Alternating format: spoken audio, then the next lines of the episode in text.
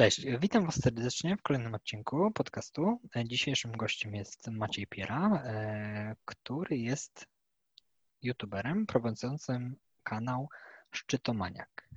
Na tym kanale opowiada on historie związane z górami, te tragiczne, ale też te, które inspirują do zdobywania nowych szczytów. I jakbyś Maćku mógł się przedstawić własnymi słowami? Cześć Olaf. E, wiesz co, ciężko tak opowiedzieć o sobie, ale jakbym miał powiedzieć w kilku zdaniach, no to jestem absolwentem AWF-u i sport e, tak od początku mojego życia był mi bliski. E, poszedłem na AWF głównie po to, żeby po prostu porobić sobie jakieś papiery instruktorskie ze sportów, które były najbliższe jakby mojemu sercu, które najdłużej trenowałem. W sumie pierwszym takim sportem to była piłka nożna, ale z niego akurat nie zrobiłem papieru takiego trenerskiego. Jednak poszedłem w tenisa, pływanie i jeszcze w narciarstwo, ale w końcu tego kursu też nie zrobiłem. Coś tam wyszło, problemy zdrowotne i ten e, obóz, gdzie, gdzie się robiło papiery, to w końcu nie doszedł do skutku. Ale po studiach, e, no od początku wiedziałem, że nie chciałem mm, pracować całe życie w szkole, że to nie jest mm, do końca to, co chciałbym robić. E, nie mam nic do pracy z dziećmi, bo bardzo to lubię. Też długo jeździłem i jeszcze czasami jeżdżę na obozy jako opiekun, jako instruktor jakiegoś e, sportu, ale no taki tryb życia w jednym miejscu nie do końca mi odpowiadał, więc szukałem czegoś, e, co, co, w czym się będę mógł realizować w życiu. No i miałem wiele pomysłów, planów, ale w końcu postanowiłem ruszyć się z, właśnie z kanałem na YouTubie związanym z moją pasją, którą są góry, bo też mieszkam pod Krakowem, więc e, ta bliskość gór od zawsze towarzyszyła jakimś wypadom z rodzicami czy ze znajomymi i zawsze mnie interesowała też historia i to, dlaczego założyłem kanał w sumie nie do końca jest związane z Himalajami czy tymi historiami z wypadkami, o których wspomniałeś, bo na początku, mhm. zacząłem, kiedy zacząłem jeździć w Tatry, to po pewnym czasie zobaczyłem, że mało jest na YouTubie takich materiałów, które oprócz tego, że pokazują trasę, bo du- takich było dużo, ale przeważnie one trwały po pół godziny, po 40 minut i nie było żadnego komentarza, czasami jakaś muzyka, co też, wiesz, nie każdy e, gusta ma takie same, więc ta, ta muzyka nie zawsze pasuje ci. I nie ma żadnego komentarza do tej trasy i trochę mnie to zaczęło mm, ciekawić, czemu, czemu tak jest, no i zacząłem czytać o niektórych historiach, no i postanowiłem e, sam pokazać niektóre trasy w Tatrach czy w innych górach, ale z mhm. takim komentarzem, co się tam działo, co, co się wydarzyło, dlaczego warto pójść tą trasą, a nie, a nie inną.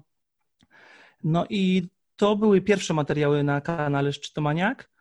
Później e, właśnie ta, ta, ta pasja do historii wzięła górę, no i zacząłem też czytać dużo, dużo literatury górskiej. Wcześniej też już ona jakby mi towarzyszyła, ale no nie myślałem o niej pod tym kątem, żeby nagrywać materiały o, o historiach górskich, ale jak przeczytałem książkę Anny Czerwińskiej, e, Groza pod K2, no to to była taka pierwsza historia, która zrobiła na mnie takie wielkie wrażenie, bo no to jest w ogóle niesamowita książka, bo ona jest bardzo cienka, mhm. ale bardzo taka skondensowana. Dużo historii z jednego roku tak naprawdę, które miały miejsce pod K2, wiele tragedii, e, też takie wątki polskie, bo wtedy też pod K2 e, była Wanda Rutkiewicz, był Jerzy Kukuczka z Tadeuszem Piotrowskim, jeszcze tam Wojciech Wróż, no tam od trzech, od trzech stron K2 praktycznie wchodzili Polacy i było też in, dużo innych wypraw zagranicznych, no i tam było naprawdę wiele ciekawych rzeczy i się dziwiłem, że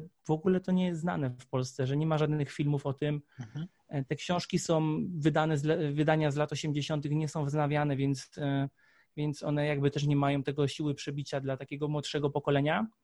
No i postanowiłem spróbować i, i zrobić pierwszy, zrobiłem pierwszy materiał. Spodobało mi się to, bo też jestem takim introwertykiem, więc siedzenie w domu i, i prze, przeczytanie trzech książek, przeszukanie internetu na temat jakiejś historii, to też jest coś, co, co lubię.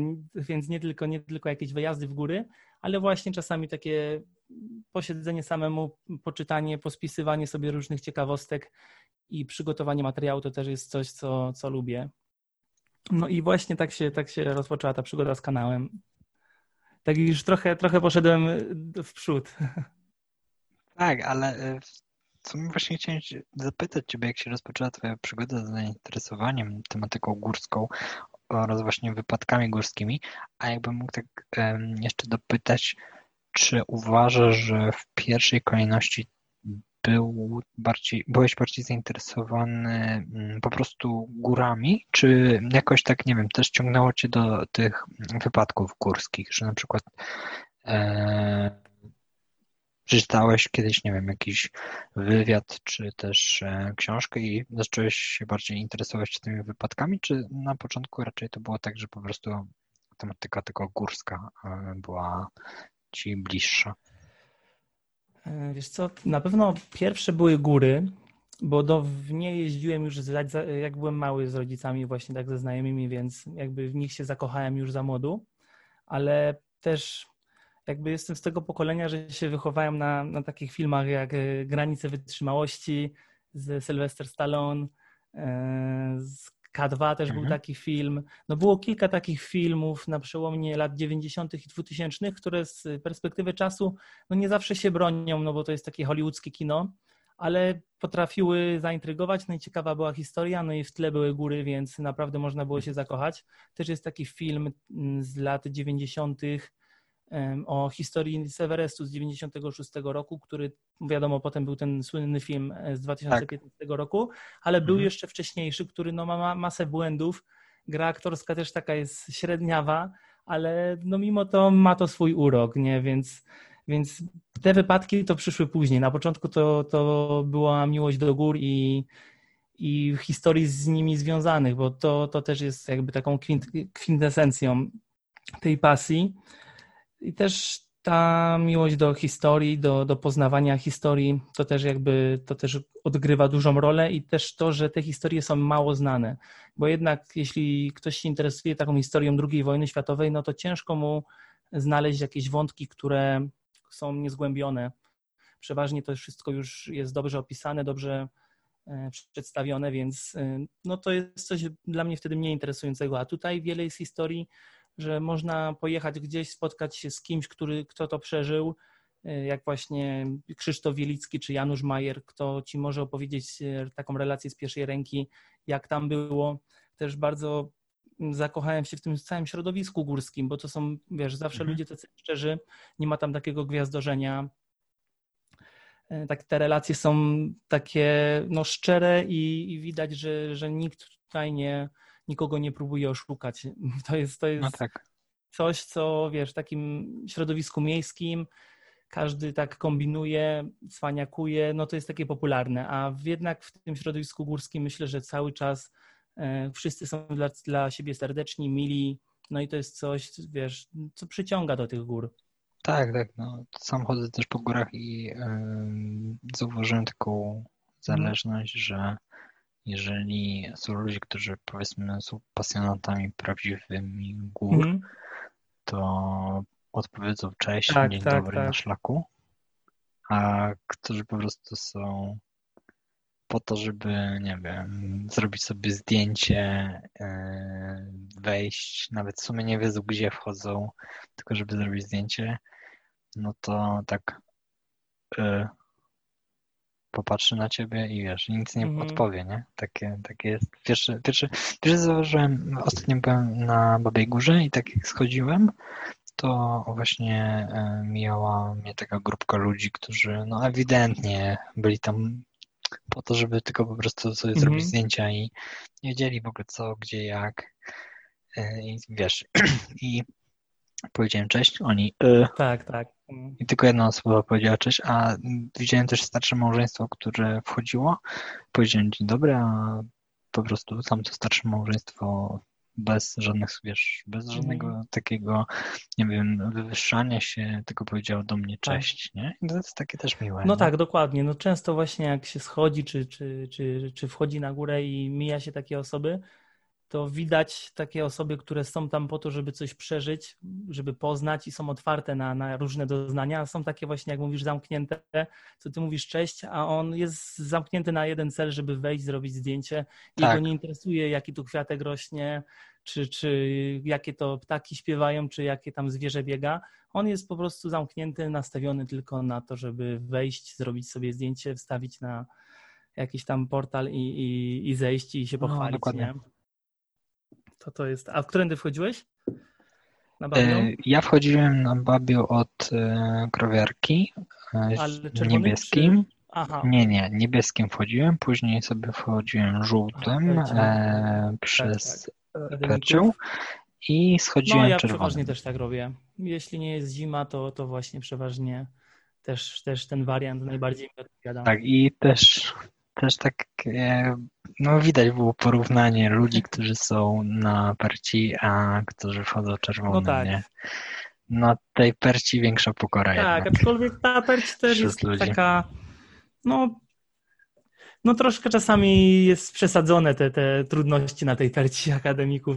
Mi słyszę, tak, że to tak. jest jakiś taki najtrudniejszy szlak w Beskidach. No okej, okay, może możliwe, ale no nie są to wiem, jakie by musiały być mhm. warunki, żeby ten szlak jakieś takie trudności osobie sprawnej sprawiał, no bo wiadomo, że też e, są dzieci czy, czy osoby starsze, no to faktycznie tak, to, to tak. właśnie jest takie płynne, Którym, że no. ciężko coś komuś polecić, no bo to wszystko zależy od tego, kim ty jesteś, jakie masz doświadczenie, jak jesteś sprawny, nie? Mhm. Dla jednego orla perdź będzie prosta, no, dla dokładnie. innej osoby jest to po prostu coś nieosiągalnego i nigdy nie będzie osiągalnego, bo po prostu jest to za, za wysoki poziom, nie? Tak, tak, bo po prostu nawet jeżeli jesteś na Perci, to możesz się tak, zablokować tak, i tak. nie pójść No, dalej, dokładnie. Nie? Tak. No, wiem po prostu też, bo w 2006 roku przyszedłem całe Bieszczady i też pamiętam, tak, bo byłem w harcerstwie mhm. i mm, przeszliśmy właśnie całą Bieszczady i pamiętam, że no, jedna taka koleżanka po prostu już przy mm, słynnym chatce półchatka mhm. schronisku powiedziała, że nie, ona już nie, ona już nie może i tak dalej, nie? I jakoś tak zostaliśmy tam na noc, eee, nie wiem, jakoś tak chyba po prostu emocje opadły u niej i mhm. powiedziała, że idzie dalej, nie? Ale tak, no nie było tam jakoś skomplikowanie, ale chyba po prostu w pewnym momencie ona osiągnęła, wiesz, swoją tak, blokadę tak, no, po prostu psychiczną, tak, nie? No też głowa jest najważniejsza, mhm. nie? Większość właśnie, Dokładnie. może nie większość, no ale duża część tych historii, które opowiadam, no to często mhm. właśnie głowa, głowa jest takim czynnikiem kluczowym, że ktoś po prostu rezygnuje, poddaje mhm. się no to też ciężko oceniać, bo nikt z nas nie jest w takiej sytuacji, ale, no, ale wiadomo, że te osoby, które mają takie mocne, silne samozaparcie, to, to są w stanie część, często wykrzesać z siebie jeszcze te pokłady takiej energii i przejść te kilka, kilkanaście metrów i tam dotrzeć do jakiegoś obozu. Tak. Takim, takim przykładem jest y, Ryszard Pawłowski, który po prostu uwielbiam tego y, faceta no to on naprawdę tak, nie, taką ma chyba niezłomną psychikę, bo, bo jak z nim rozmawiam i jak opowiada o górach, no to nie ma, nie ma, nie ma możliwości, żeby wiesz, żeby się gdzieś wycofać, żeby brakło sił. Mhm. Straszny, strasznie taki górski harpagan, jak to niektórzy mówią. I Dokładnie. mimo wieku, bo on też kończy w tym roku 70 lat, to cały czas, wiesz, aktywnie działa, nie? Już nie w jakichś takich górach najwyższych, chociaż też chyba planuje wejść na Ammadablan w tym roku, z tego co tak mi się wydaje. Na to już taka jest górka dość trudniejsza, nie? Ponad 6 tysięcy, mhm. więc w wieku takim już wiesz, wskazującym, że raczej te góry najwyższe to już zostają w tyle, to on cały czas ostro, ostro działa w tych górach co też mi się wydaje, tak jak patrzę na niektórych e, znajomych, którzy chodzą po górach, że w pewnym momencie potrzebujesz już tej takiej nowości, takiej adrenaliny, nie? może po prostu on też cały czas potrzebuje takiej nowości. Nie, nie może, wiesz, usiąść na kanapie i mhm. przeczytać książki, tylko ciągnie go w te góry, prawda? Tak, tak. Chociaż też to, wiesz co, każdy też jest inny i każdy w inną stronę ta jego pasja ciągnie, bo jeden zacznie od Bieszczad czy od Beskidów, no i później chce coraz większej tej adrenaliny, idzie w Tatry, mhm. jeszcze większej, zapisuje się na kurs wspinaczkowy, potem kurs jakiś w Alpach i, i coraz bardziej chce iść w tym kierunku, a niektórzy oczywiście chcą jakby coraz więcej widzieć, ale wolą na przykład zwiedzić cały świat i pochodzić po różnych górach, ale trekkingowo, nie? Czy tam jakiś tak, Everest, tak. trekking do, do, bazy pod Everestem, czy, czy jakieś wulkany w Ameryce Południowej, więc każdy mhm. też ma jakby inne te, inne te stopnie w górę i inny cel.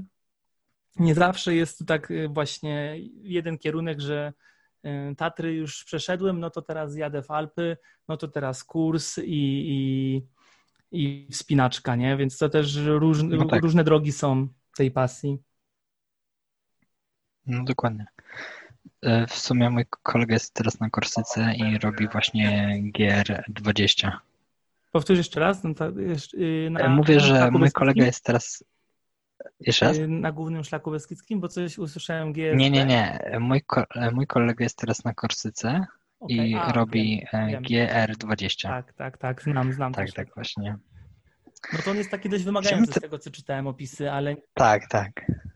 Ale... Zobaczymy. Jak wróci do Polski, e, to e, na pewno go poproszę o to, żeby mi opowiedział e, historię. I może uda mi się z nim no, nagrać podcast, o. żeby po prostu opowiedział o tym szlaku. No tak, ja pamiętam.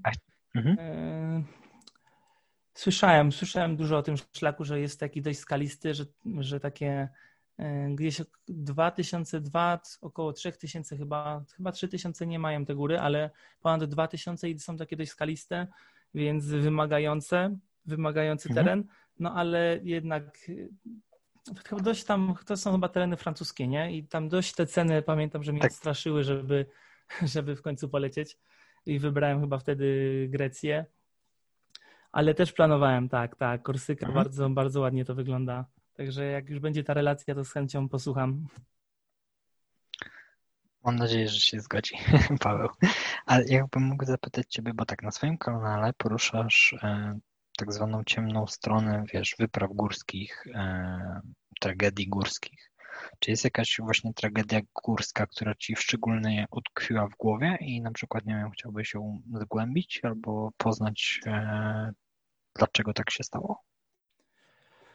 Hmm, wiesz co, no Dużo, dużo jest takich historii, bo tak naprawdę każdą, którą opisuję, no to w jakiś sposób ona no, mnie zaintrygowała, y, zaciekawiła, ale jednymi z takich, takich historii, które najbardziej taki, wiesz, budzą taki wewnętrzny sprzeciw, taką, no, takie poczucie niesprawiedliwości, to jedną z tych historii jest y, na pewno historia Toniego Kurca na północnej ścianie Aigeru z 1936 roku. Oni tam próbowali wtedy przejść y, jako pierwsi północną ścianę Nigeru, mhm. doszło do wypadku i w końcu tylko on przeżył, no i schodził i nie pamiętam, jeden albo dwa dni y, schodził, tam po niego wyszli ratownicy i oni już się słyszeli i byli dosłownie chyba 20 metrów od niego, ale było, było takie przewieszenie skalne, że oni nie mogli pokonać tych ostatnich 20 metrów, a on y, związując dwie liny, zrobił węzeł, który po prostu nie mieścił się w karabinku i nie mógł go przepchnąć i walczył chyba cały dzień i całą noc, żeby przepchnąć ten węzeł. Wtedy lina by go opuściła jeszcze, jeszcze te kilkanaście metrów do ratowników. No ale niestety mu się nie udało, no i zamarł na tej linie i jest takie e, dobijające zdjęcie tego wiszącego Toniego Kurca na tej linie, a obok ratownicy. I no to jest taka jedna z takich historii, która no takie budzi taką poczucie niesprawiedliwości, że on tak walczył o, mhm. o życie, a mimo to no, nie udało się. Ale jest jeszcze taka druga też historia, dość podobna w tym sensie, że, e, no, że bardzo też walczyli o życie dwaj francuscy alpiniści na Mont Blanc. Tam też e, doszło do załamania pogody. E, oni się pogubili na wysokości około 4000 metrów, to był chyba 56 rok. Mhm. No i francuscy alpini, e, ratownicy próbowali kilka razy do nich dotrzeć. Tam się chyba rozbił po drodze helikopter. Oni, oni w tym helikopterze potem czekali na ratunek i w końcu chyba około 10 dni czekali. No ale też nie, nie, nad, nie nadszedł ten ratunek. Pamiętam, że tam Auri miał 22 lata, a Vincent Dong 24, więc bardzo młodzi ludzie. i w taki sposób, y, no, głupi w cudzysłowie, że, że byli do uratowania, nie? No bo takie historie najbardziej bolą, że ktoś jest do uratowania, no bo w takiej sytuacji jak zginął na przykład Jerzy Kukuczka, no to tam trochę przypadek zagrał rolę, odpadł rak, no i lecisz w, w przepaść, nie? Więc to już nie ma, nie ma tak naprawdę jak kogoś uratować, ale w takiej sytuacji, że wiele dni ktoś czeka na ratunku na górze, na którą e, no, codziennie wchodzą ludzie, no bo też no, to były lata 50., to też tych mhm. alpinistów było mniej, ale mimo wszystko no to e, no, wiele błędów popełniono i też tam one są opisane w tym filmie. To też była taka druga historia, ale też na przykład no, te historie są bardzo różne, bo na przykład jest taka historia, że mężczyzna w Bieszczadach, młody chłopak, poszedł przed Wigilią po choinkę do lasu, no i już nie wrócił.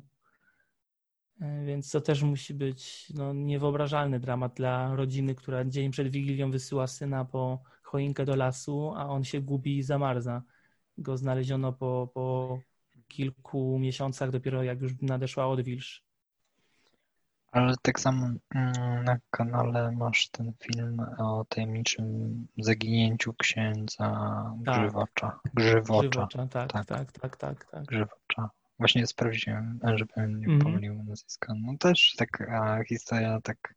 No tak, tak. No, no nie wiadomo do końca, co się stało i to mm, nagranie, które tam jest na samym końcu i e, to jego stwierdzenie, że jeżeli by się coś mu stało, to nie szukajcie ciała, tylko szukajcie człowieka. Tak, no to jest ciekawe Takie... bardzo, daje do myślenia, nie? Bardzo ciekawe, no. Ta też historia bardzo mnie zaciekawiła i też, mhm. um, też tam czytałem różne opinie, co się mogło stać. No i ciężko stwierdzić. Mhm. No, są głosy, że on przeszedł na, po wejściu na szczyt, mógł się zgubić podczas zejścia i spadł e, po drugiej stronie góry. Tam jest taka dość duża przepaść i tam było mniej tych poszukiwań. Aczkolwiek no też były. Też później była ta druga chyba wyprawa i, i tam też przyczesali te rejony. Bardzo, bardzo ciekawa historia i no i mam nadzieję, że kiedyś znajdzie jakieś wyjaśnienie racjonalne, no bo tych wyjaśnień nieracjonalnych, no to to znamy kilka. Wiem, że ojciec Szóstak jest takim zwolennikiem tego wniebowzięcia księdza. Też słyszałem, że, że, że on jakby tą, tą teorię bierze pod uwagę. No mam nadzieję, że się uda rozwikłać tą, tą zagadkę, ale postać niewątpliwie ciekawa i warto poznać chociaż jego opinię. Nawet jak coś się nie zgadza, no to warto poznać kogoś, y, zdanie kogoś mądrego, no bo uważam po, po wysłuchaniu kilku godzin nagrań księdza Grzywocza, e, prelekcji księdza, no to tak można stwierdzić, że nawet jeśli ktoś nie jest jakimś e, e, wierzącą mhm. osobą, no to, to mo... proszę? Tak, że wierzącą osobą. Mhm. Tak, to może, to może po prostu jakąś mądrość dla, do swojego życia wprowadzić się, czymś zainspirować, niekoniecznie takimi wartościami katolickimi, ale po prostu takimi e, ludzkimi. Takie, często te wartości są takie uniwersalne. Tak, i jeszcze mi się przypomniało o mm, e, rodzinie? Kaszniców, tak, tak Kaszniców tak, właśnie tak, tak, chciałem przekręcić. Tak, tak, no bo też przeszedłeś e, tą tak, trasę, tak, tak. e, nagrałeś e, film, też porównywałeś, jak to mogło być wtedy, a jak, może, jak teraz są warunki, prawda? Czy też e, jakie były dostępne um, ułatwienia, prawda? I e, no, no, to jest też ciekawa historia, no bo e, byłeś tam na miejscu i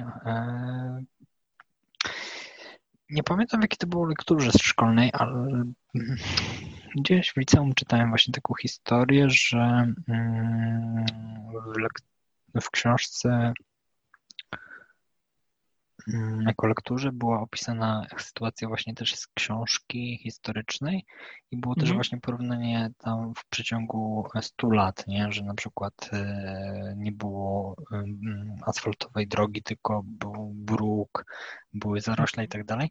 I tak właśnie oglądałem wtedy e, twój film, twoją relację i tak właśnie zastanawiałem się, czy bardzo się to mogło po prostu zmienić od e, tamtego wydarzenia, w sensie wiesz, go, e, no, e, w sensie takim, czy nie wiem, czy te skały na przykład są teraz bardziej wyżłobione od wody, czy po prostu wtedy mogło być zimniej, jakie panowały warunki i tak dalej, nie? No to też jest taka właśnie ciekawa historia, która jak e, zawsze twoje filmy są właśnie mhm. z takimi historiami, zawsze jest taki takie poczucie no jak to było kiedyś, Jak nie? to było kiedyś, nie? Jak, tak, jak to się tak. stało, nie? Właśnie. No akurat pod tym kątem to Tatry są takimi górami, że raczej, raczej dużo się nie zmieniło, bo na przykład, jeśli opowiadam o jakichś historiach alpejskich czy himalajskich i wydarzyły się one w latach 30., 40. czy 50., no to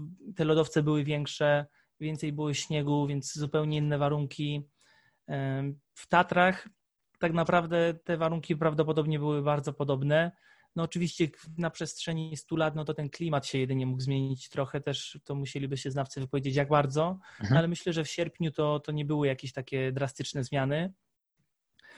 Aczkolwiek, no, jak na przykład opowiadałem historię, y, która wydarzyła się w Nowej Zelandii na Aoraki, ona miała miejsce też jakoś w dwudziestoleciu międzywojennym, z tego co pamiętam, mhm. albo nawet na początku XX wieku, więc to już jest ponad 100 lat.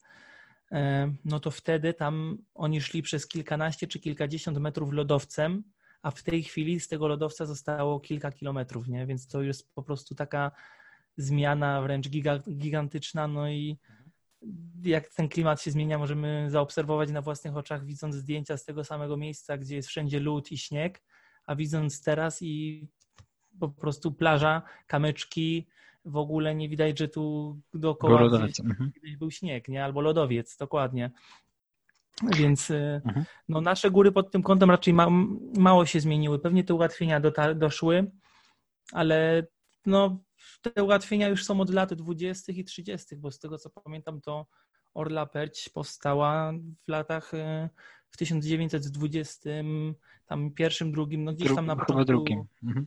Tak, tak, tak, tak. No, ksiądz wtedy Walenty chyba Gadowski y, zbudował Orlą Perć.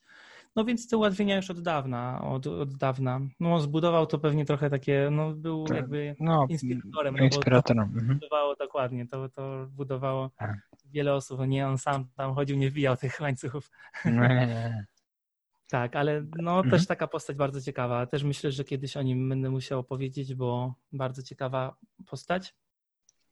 Więc to jest właśnie też ciekawe mhm. i też góry są ciekawe pod tym kątem, że jak ktoś opowiada na przykład historie kryminalne i wydarzyła się 100 lat temu, no to 100 lat temu Warszawa czy nie wiem, San Francisco, no to to był inny świat w porównaniu do tego, co jest teraz. A w górach to te, te realia, jeśli się pojedzie w to miejsce, no to praktycznie można mm, się dobrze wczuć w, to, w tą sytuację, no bo są bardzo podobne. Większą rolę gra y, pogoda, jaka jest, niż to, y, że to się działo 100 lat temu, nie? Mhm. Ale też mi się wydaje, bo mm, dzisiaj oglądałem mm, twój film odnośnie Giewontu i hmm? wypadków na Giewoncie. Też nagrałeś e, informację, że kiedyś e, inaczej e, szlak prowadził. Też mi się wydaje, że po prostu mm, czasem jest tak, że ludzie ułatwiają sobie jakoś te szlaki nie wiem, robią skróty, jakieś inne ułatwienia, no bo jak e, dzisiaj właśnie oglądałem ten film, to tak się zastanawiałem, mm, jak ten szlak mógł prowadzić. Tam zrobiłeś tą wizualizację i tak później też popatrzyłem na mapę i tak myślę, hmm, to musiało być trudne, tak. nie? Z jednej strony. Tak, tak, no to był bardzo trudny szlak i no i to też akurat ten szlak, to nie wiem, czy to był jakimś takim ułatwieniem. To raczej wtedy Kirkor, który był, no, wymalował ten szlak, można powiedzieć, bo on tam mhm. pierwszy, pierwszy namalował farbą ten szlak. No to to były czasy, kiedy te szlaki powstawały, więc y, pewnie wiele osób z Zakopanego, czy wspinaczy, czy, czy turystów, no, potrzebowało też takiego szlaku, który prosto z miasta mógł prowadzić na Giewont a nie gdzieś tam naokoło przez doliny. No tak. Więc, y, więc pewnie, pewnie ten szlak to też y, powstanie jego wynikało z takiej potrzeby no, prozaicznej, nie? żeby po prostu mhm. widzisz tą górę, no na wprost na nią, a tu nie ma szlaku i jest ząg, nie? Gdzieś trzeba dolinami iść, a też wtedy mapy czy jakieś takie e, przewodniki nie były tak popularne, bo często w tych chronikach się czyta, że jak ktoś jest pierwszy czy drugi raz w Tatrach, no to po prostu nie ma zielonego pojęcia, gdzie są szlaki e, e, i nie ma żadnych map, więc często przy tych kronikach naczelnik TOPR pisał, jaka była znajomość Tatry przez ofiarę czy przez no, tego turystę, który uległ wypadkowi, nie? więc to też odgrywało ważną rolę, ale no żałuję, że tego szlaku już niestety nie ma.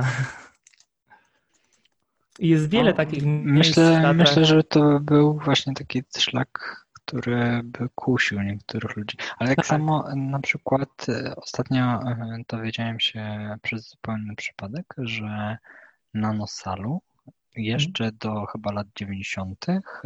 albo 80., już nie pamiętam, musiałbym to sprawdzić dokładnie, mhm. ale były e, i są nadal oczywiście trasy wspinaczkowe, można było się wspinać. Tak, tak, tak. Po prostu e, ze względu na bezpieczeństwo zakazano wspinaczki na nosal, e, takiej skałkowej, nie? Okej. Okay. No, no to akurat wiesz, no to ma swój zarząd te PN i tam różne te decyzje e, są podejmowane. To akurat w tą politykę to e, parku, to wiesz, to ciężko się tam wgłębiać, no ale na wszystkie takie skałki to się wspinali, nie? Wspinacze. Nie było raczej skałek czy gór, na które, na które nie były celem wspinaczy. Także i Nosal, no Nosal jest bardzo bliziutko. Tak naprawdę to jest w środku Kuźnic, nie? Więc tak, tak. Nosal to jest jak spacer do sklepu. No, dokładnie. Bo tak, chciałbym zapytać jedną rzecz, tylko podkreślmy na samym początku, żeby nie było takiej, wiesz, wątpliwości, bo tak, e, nie jesteś ani ratownikiem TOP, nie, GOPR, nie, e, nie, nie, jesteś, nie jesteś też ekspertem odnośnie wypraw górskich. E, nie, też, też nie. Z tego, co kojarzę, no nie, nie organizowałeś jakiejś wyprawy. Oj, nie, nie, nie. I nie, nie planuję też żadnej organizować, ani brać na siebie takiej odpowiedzialności. Tak, ale jesteś osobą, która jest e, moim zdaniem zafascynowana e, tym właśnie tematem, jeżeli chodzi o e, góry, o tragedie górskie. I chciałbym się zapytać, jakie, jaką radę albo jakie rady udzieliłbyś osobom, które doznałyby wypadku w górach. Czy mm, miałbyś takie rady dla takich osób? Wiesz co, na pewno warto sobie za, zainstalować, ja już to też kiedyś wspominałem w jednym z filmów, taką małą aplikację na ratunek i to jest aplikacja, która pozwala zlokalizować twój telefon nawet e, jeśli, no jeśli się rozładuje, no to wiadomo, chyba pokazuje wtedy ostatnią jakby mm, mhm.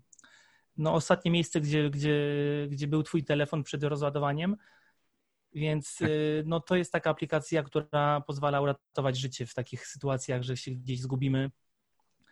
Zabłądzimy. I też, y, co ważne, to się dowiedziałem, bo też jest istotne, mm. jeżeli mamy tą aplikację na telefonie i e, nie mamy zasięgu tak, tak, tak, GSM, dokładnie. ale mamy włączoną, e, włączony mm, GPS, to ta nawigacja działa poprawnie, w sensie takim, że można nas zlokalizować, prawda? I to też jest bardzo ważne, tak, moim tak, zdaniem. Tak, no dokładnie. To jest, jeżeli chodzi o tą aplikację. To jest niezwykle ważne, no bo często w Tatrach Wysokich no nie mamy kompletnie zasięgu, więc y, byłaby wtedy bezużyteczna, a ona właśnie działa rewelacyjnie przez to, że możemy mo mogą nas ratownicy w bardzo precyzyjny sposób zlokalizować i dotrzeć jak najszybciej więc to jest taka pierwsza rada, pierwsza rada, którą bym dał. Też jeśli idziemy w jakieś wyższe góry, chociaż chyba w każde, to warto wziąć ze sobą taką apteczkę małą. Ja chyba mam dwie takie apteczki, jedna taka trochę bogatsza, ale no nie chcę zawsze ją targać ze sobą, więc ją biorę na jakieś takie wypady zimowe, czy jakieś takie e, kilkudniowe wyjazdy. A druga taka mała, e, poręczna wielkości, no nie wiem, kubka dużego e, z kawą, to, to, to takiej wielkości mała apteczka, gdzie są takie najpotrzebniejsze rzeczy, to też warto ze sobą mieć. E, no i też no, warto pamiętać numery alarmowe. To też jest, to też jest taka prozaiczna rzecz, ale polecam, e, jeśli ktoś ma fundusze, zakupienie plecaku, który często są takie plecaki, które ma wypisane numery alarmowe i też jak się zachować w danej sytuacji, jeśli coś się przydarzyło w górach. Ja mam plecak akurat Deutera i właśnie pod klapą tą, którą, którą zakrywamy, zamykamy plecak, to jest cała taka strona, gdzie jest pokazane, jak się zachowywać, jakie są numery alarmowe w różnych krajach, nie tylko w Polsce, tylko właśnie czy to w Unii Europejskiej, czy, czy we Włoszech, czy w Wielkiej Brytanii. Też jest opisane, jak wezwać pomoc, jeśli widzimy helikopter, bo to też wtedy dajemy tak. znaki, tak. właśnie pokazujemy rękami, wstajemy i rozkładamy ręce w górę, tak symulując taką literę Y.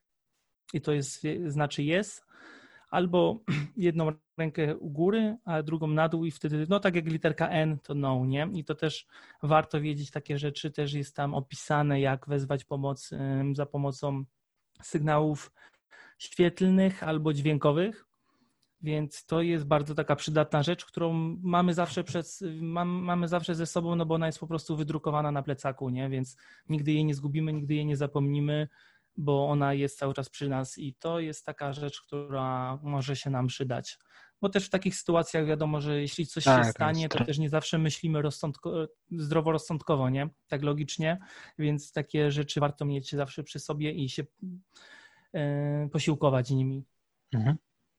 No ja miałem kiedyś plecak e, kampusa, mhm. taki, on chyba był 35 litrów i też miał e, jak gdyby na plecach od strony głównej mhm. komory miejsce na wypisanie właśnie jakichś danych tam tak, tak, tak. Mm, po imię i nazwisko, telefon i tak dalej, ale pamiętam właśnie, że e, taki chłopak, który był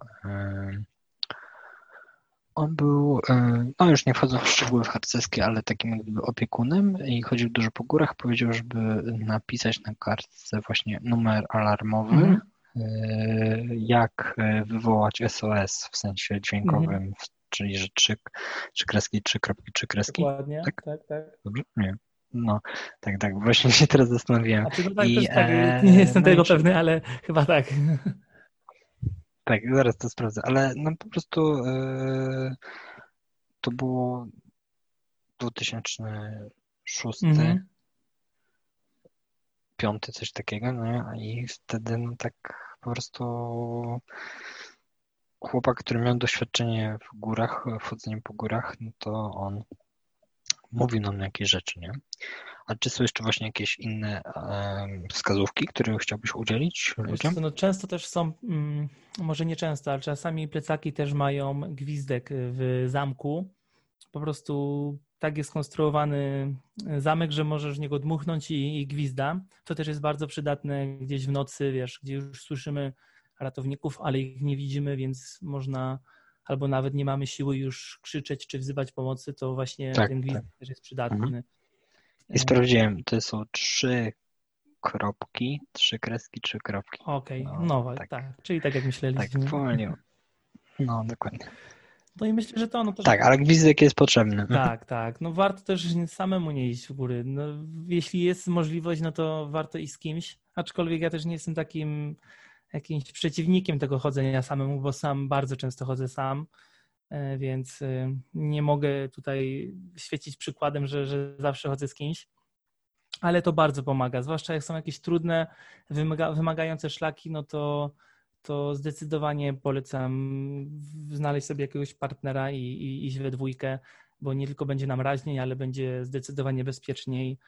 Zawsze ktoś, ktoś może wtedy wezwać pomoc albo nam pomóc, bo też nie zawsze mhm. jest konieczna pomoc, ale może nas rozboleć brzuch, czy, czy skręcimy sobie kostkę i po prostu ta druga osoba albo po kogoś pójdzie, albo nam pomoże dojść do schroniska, więc nie zawsze jest y, zagrożenie życia, ale no zawsze może być potrzebna nam pomoc.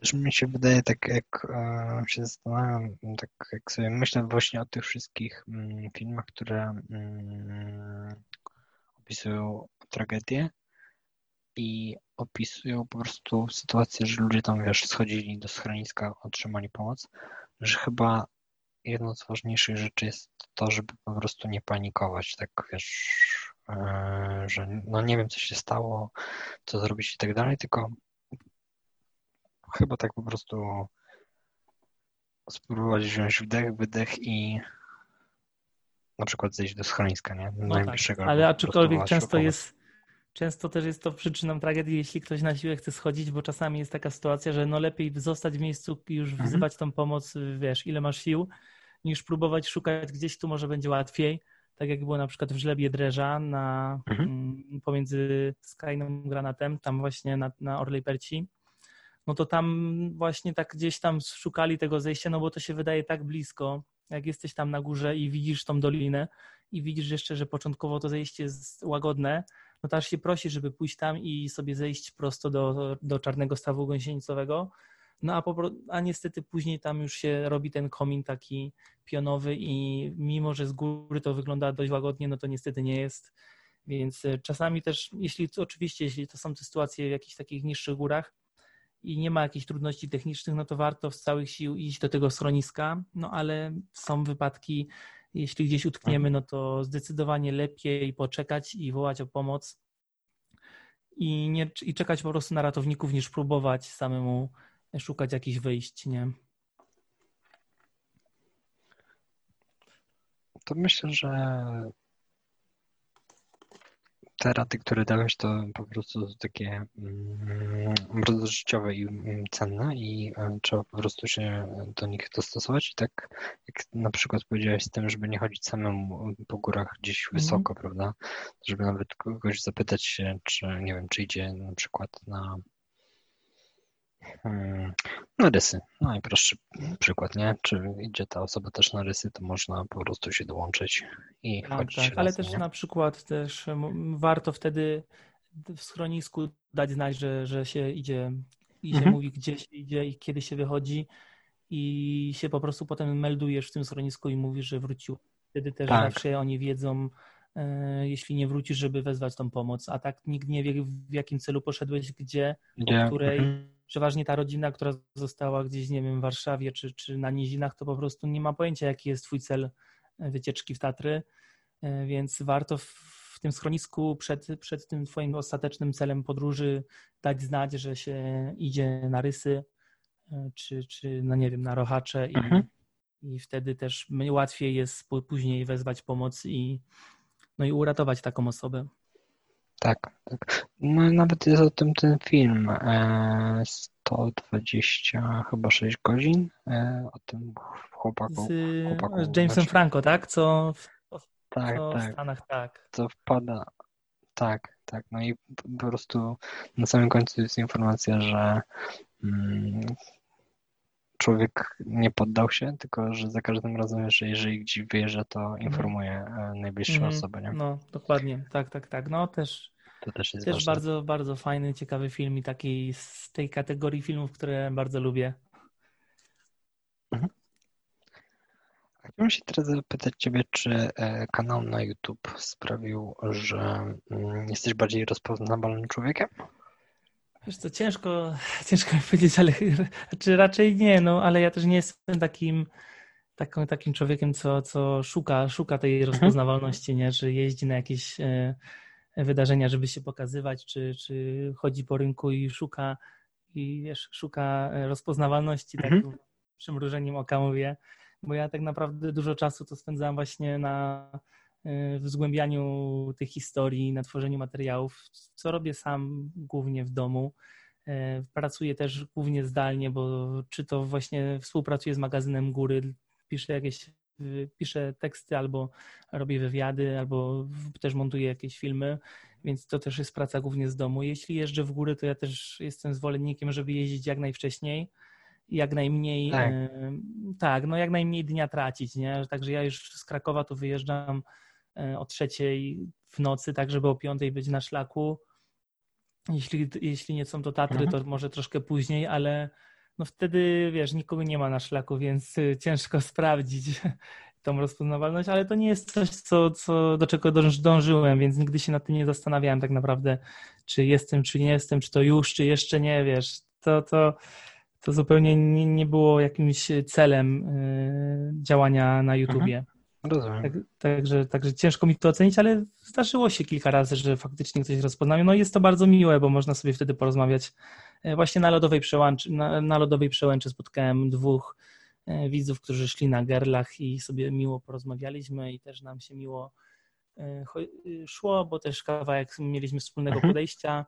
Oni szli wtedy w stronę czerwonej ławki, a do lodowej przełęczy, więc tam w rozejściu pod siodełkiem się po prostu rozeszliśmy, mhm. ale bardzo miło można było porozmawiać, więc jak, jak najbardziej jest to miłe, ale no wiesz, nie jest to coś, y, do czego dążę. Do czego dążysz? Rozumiem, jak najbardziej to rozumiem.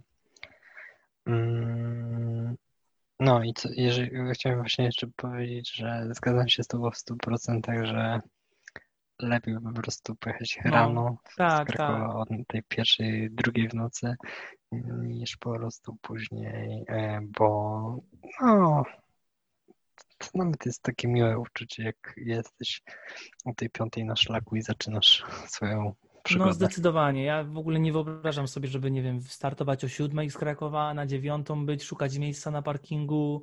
Tak. E, wiesz, stać w kolejce, żeby kupić bilet do parku potem masz multum ludzi na szlaku, no w ogóle to nie traci to wszystko radość, nie? Mhm. Fajnie jest wtedy, jak nie ma ludzi, jak widzisz e, to budzące się słońce nad Tatrami, no bo jeśli wchodzisz na szlak o piątej, to dopiero e, robi się wschód słońca. E, no tak. Więc to ma wielki urok. No i dopiero jak schodzisz już ze szczytu też, mijasz już tych ludzi i widzisz te masy, które wiesz, nacierają jak na Giewont czy na Rysy, no to to jest już jakaś plaga. Tak.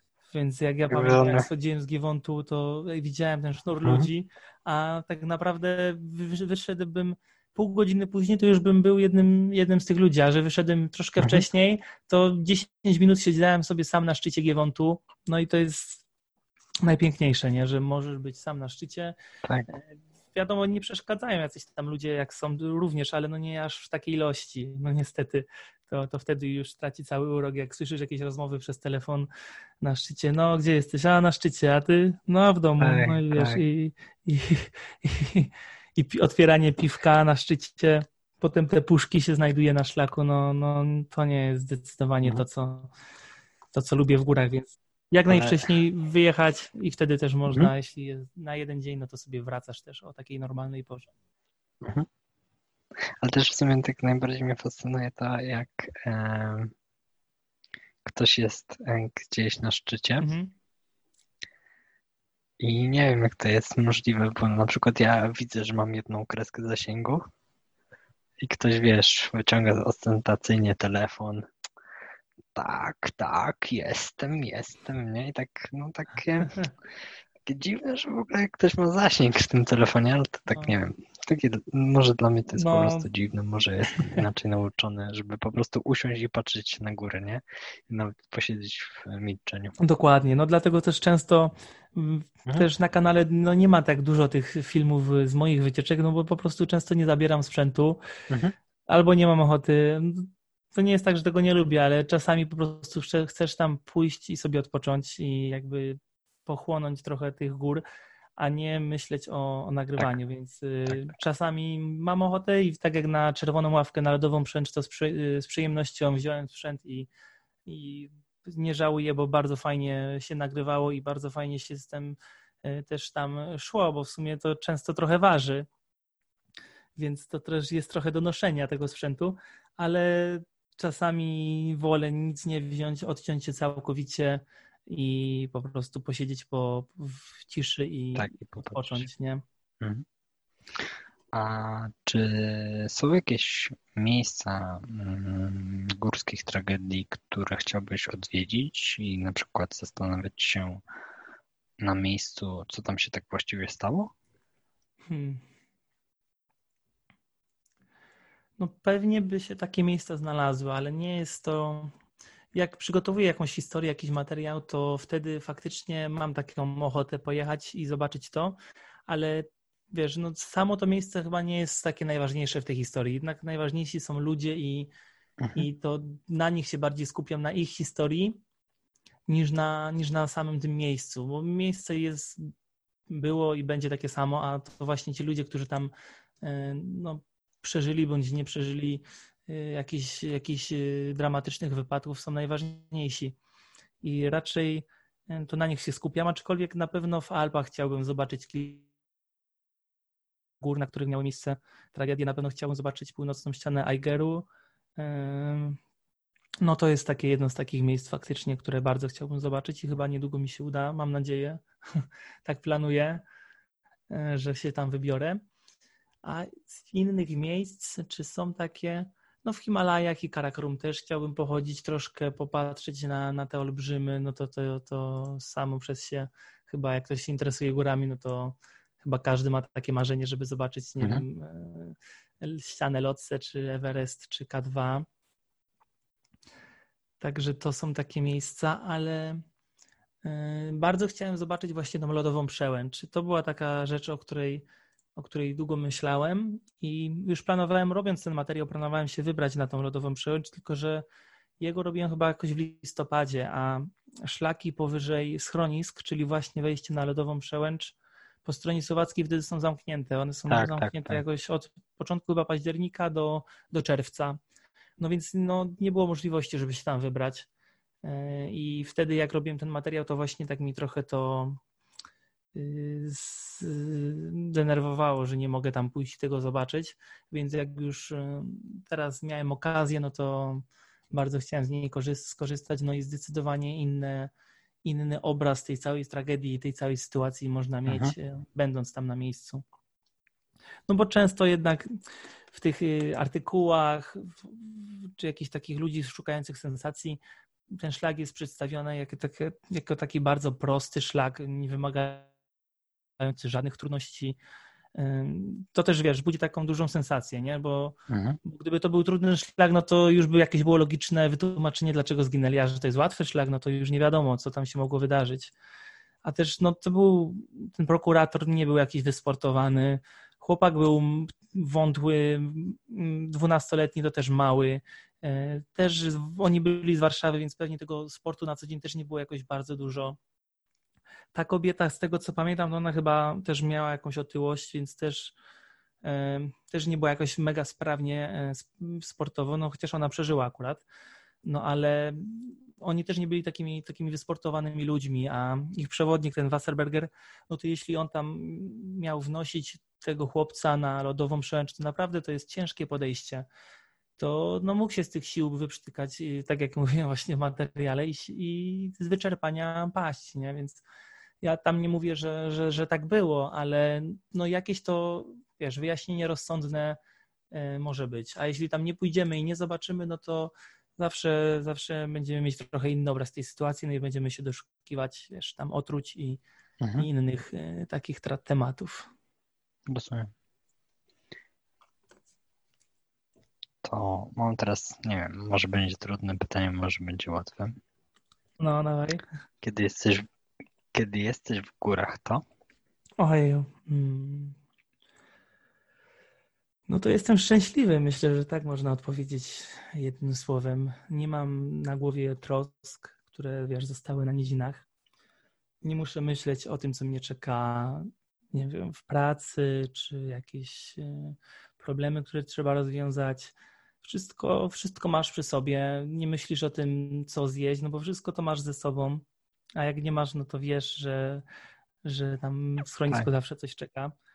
Więc jesteś szczęśliwy po prostu, jest, masz wolną głowę, nie masz trosk i to jest taki stan, do którego często chce się wracać, więc dlatego do tych gór tak bardzo ciągnie. No i też w górach jest to wspaniałe, że góry bardzo szybko ludzi sprawdzają, nie? Ktoś ogólnie w tych czasach w życiu mało mamy takich rzeczy, które mhm. potrafią kogoś zweryfikować. No, możesz iść przez życie tak naprawdę wychowując się, wiesz, w bogatej rodzinie i nie mieć żadnej trudnej sytuacji w życiu i przejdziesz, ale żeby wejść na jakąś górę, to jeśli tego trudu nie, nie, nie podejmiesz, nie, nie jakby stoczysz tej, tego, tej walki ze sobą i z tym zmęczeniem, no to się nie przekonasz, czy tam wejdziesz. I zawsze jest e, w górach, znaczy w górach jest to fajne, że tam nie ma takich przypadkowych ludzi, którzy, nie wiem, wstali mhm. rano, wiesz, e, służąca przyniosła kawę, mhm. wygry, jakieś tam e, akcje im wpadły na giełdzie,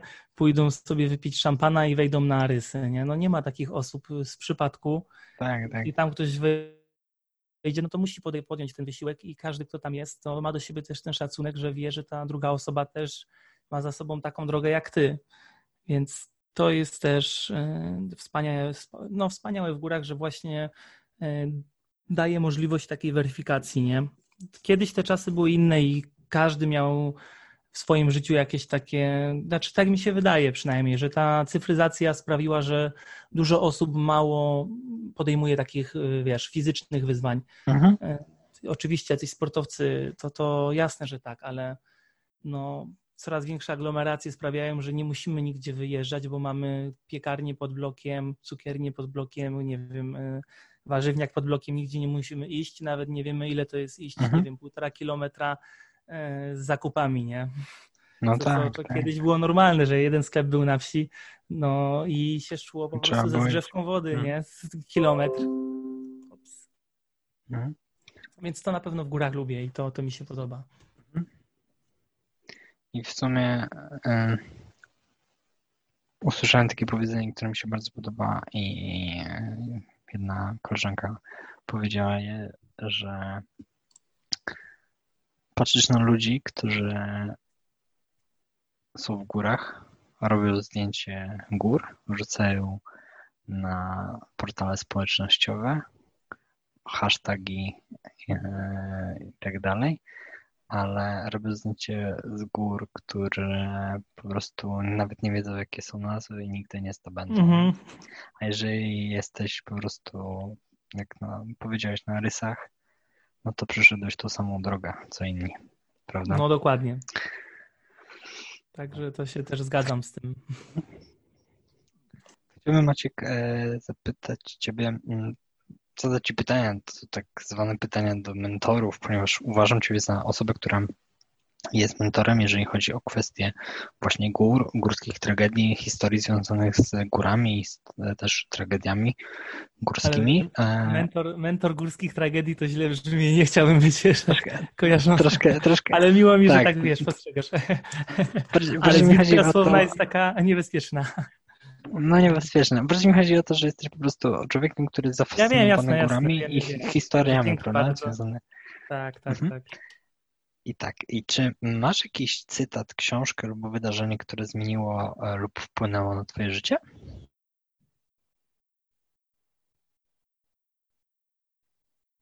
Halo? Słyszysz mnie? Halo, halo, tak. A wiesz co, coś myślałem, że przerwało, bo urwało mnie w środku zdania. Aha, to jeszcze jakbyś Właśnie jakbyś zaczął od y, początku pytania, bo wtedy właśnie mi się przerwało. Okej, okay, czyli tak, e, czy masz jakiś cytat, książkę, wydarzenie, E, które zmieniło lub wpłynęło na Twoje życie? Hmm, wydarzenie. Hmm. Może, może to być cytat, może to być książka, może to być wydarzenie. Jeśli chodzi o cytaty mhm. i książki, to jest ich naprawdę sporo, ale jeśli chodzi o takie wydarzenie, to na przykład hmm, na przykład no, śmierć Chestera Benningtona z Linkin Park, to też to było coś, co może nie jakoś zmieniła moje życie, ale no co tak dało do myślenia, tak, bo to była taka postać, co bardzo e, ją szanowałem, bardzo lubiłem i jakby utożsamiałem się z wieloma jego tekstami, z takim jego e, mhm. poglądem na świat, więc to mnie tak dość dotknęło. E, także jeśli chodzi o wydarzenia, to to myślę, że, że to by mogło być, a jeśli chodzi o książkę, to myślę, że postać Jamesa Dina, nie wiem czy kojarzysz, to był aktor hollywoodzki. Tak, tak, tak. tak, e, tak Młody dokładnie. aktor hollywoodzki, który zginął w wieku 20 Wypadł. chyba 6 lat. 4 lat. No, w wieku 24 lat. lat. Tak, tak, dokładnie. Tak. James Dean e, w 24 zagrał w sumie tylko w trzech filmach takie główne role. No tak. i jego biografia, Miał... ja się zawsze, zawsze mhm. fascynowała mnie ta postać. I zawsze był tak samo ubrany. Jeansy, biała, biały t-shirt i czerwona e, kurtkę, bluza, tak. No, kurtka, to, to, coś to, takiego. Trudno to nazwać, nie wiem w sumie jak to nazwać teraz, ale taka tak, jak tak. czerwona kurtka. Mhm. No to wiesz co, to była jego stylizacja z chyba z buntownika. Tak, e, tak, to była tak, stylizacja to była, z buntownika, była ale później już po prostu tak chodził ubrany. No, tak był kojarzony też, ale też mam mhm. bardzo ładne zdjęcia w takich płaszczu w Nowym Jorku, to też są, też mam plakat właśnie, teraz już nie, ale w pokoju miałem plakat z jego cytatem E, więc e, zawsze się inspirowałem tą postacią. Jak przeczytałem tą biografię jego, to jeszcze mocniej jakby dała mi do myślenia, jak, jak można w młodym wieku wiele osiągnąć i jak można tak mhm. chłonąć życie. bo on naprawdę próbował wszystkiego w takim kontekście, że tu się zapisywał na balet, tu na lekcję śpiewu. Wiesz, w takim młodym wieku on cały czas miał um, ochotę, chęć życia i chęć takiego uczenia się nowych umiejętności. Tak. E, więc to mega w nim podziwiam, podziwiam, bo podziwiałem, no podziwiam, mimo że już nie żyje, to cały czas jakby można się inspirować z tej książki. Oczywiście tam są jakieś takie aspekty jego życia, które nie do końca są y, takie dobre, można powiedzieć. Czy tak, tak, rozumiem. Mhm. No, czy warte tam naśladowania, ale ogólne, ogólna jego biografia i jego życie to zdecydowanie jest taka mm, inspirujące. Więc myślę, że to. I w, też będąc na studiach, y, nie wiedziałem za bardzo, co, co, co, będę robił dalej. Nadal zresztą nie, nie jest to jakby jasno sklasyfikowane, że będę się zajmował cały czas tym YouTube'em, bo to nie do końca tak jest. Mhm. Ale pamiętam, że wtedy na studiach tak myślałem, że jeśli skończę wiek, w którym umarł James Dean i nic nie zacznę robić, to, to będzie źle. I bardzo mi to chodziło po głowie i bardzo mnie to męczyło, nie? Że, że on w wieku 24 mhm. lat miał już tyle na swoim koncie, a ja kurczę nie mogę się zabrać do jakiegoś projektu i, i go zrealizować, mimo że tych pomysłów było dużo. No i właśnie tak naprawdę to, to kanał założyłem 29 września 2017 roku, a James Dean zmarł 30 września 1955 roku, więc dzień przed jego mhm. śmiercią udało się założyć kanał. Rok po, bo 1 września opublikowałem pierwszy materiał no i to właśnie wtedy też miałem 24 lata, bo to było 3 lata temu. Także to w toku dosłownie w tym samym mhm. jakbym wieku, który końca stycznia, więc tam jest tydzień różnicy, no ale mniejsza z tym, jakieś tam te, takie pokrewieństwo małe było w tym kierunku, więc cieszę się, że udało mi się to, to, to wtedy podjąć tą decyzję, mhm. która myślę, że właśnie ta biografia tego y, aktora to mnie tak trochę popchnęła w tym kierunku, żeby, żeby spróbować tak zawalczyć w cudzysłowie o, mhm. o jakieś własne projekty, własne marzenia, a nie zawsze tak, wiesz, realizować e, ambicje innych.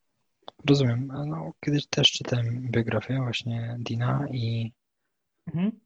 no i interesowałem się tym wypadkiem, który... No tak, też jest ciekawa historia. No. Tak i w sumie co ciekawe, ten samochód stoi w przeklęty, nie? Jest to, to masz na myśli.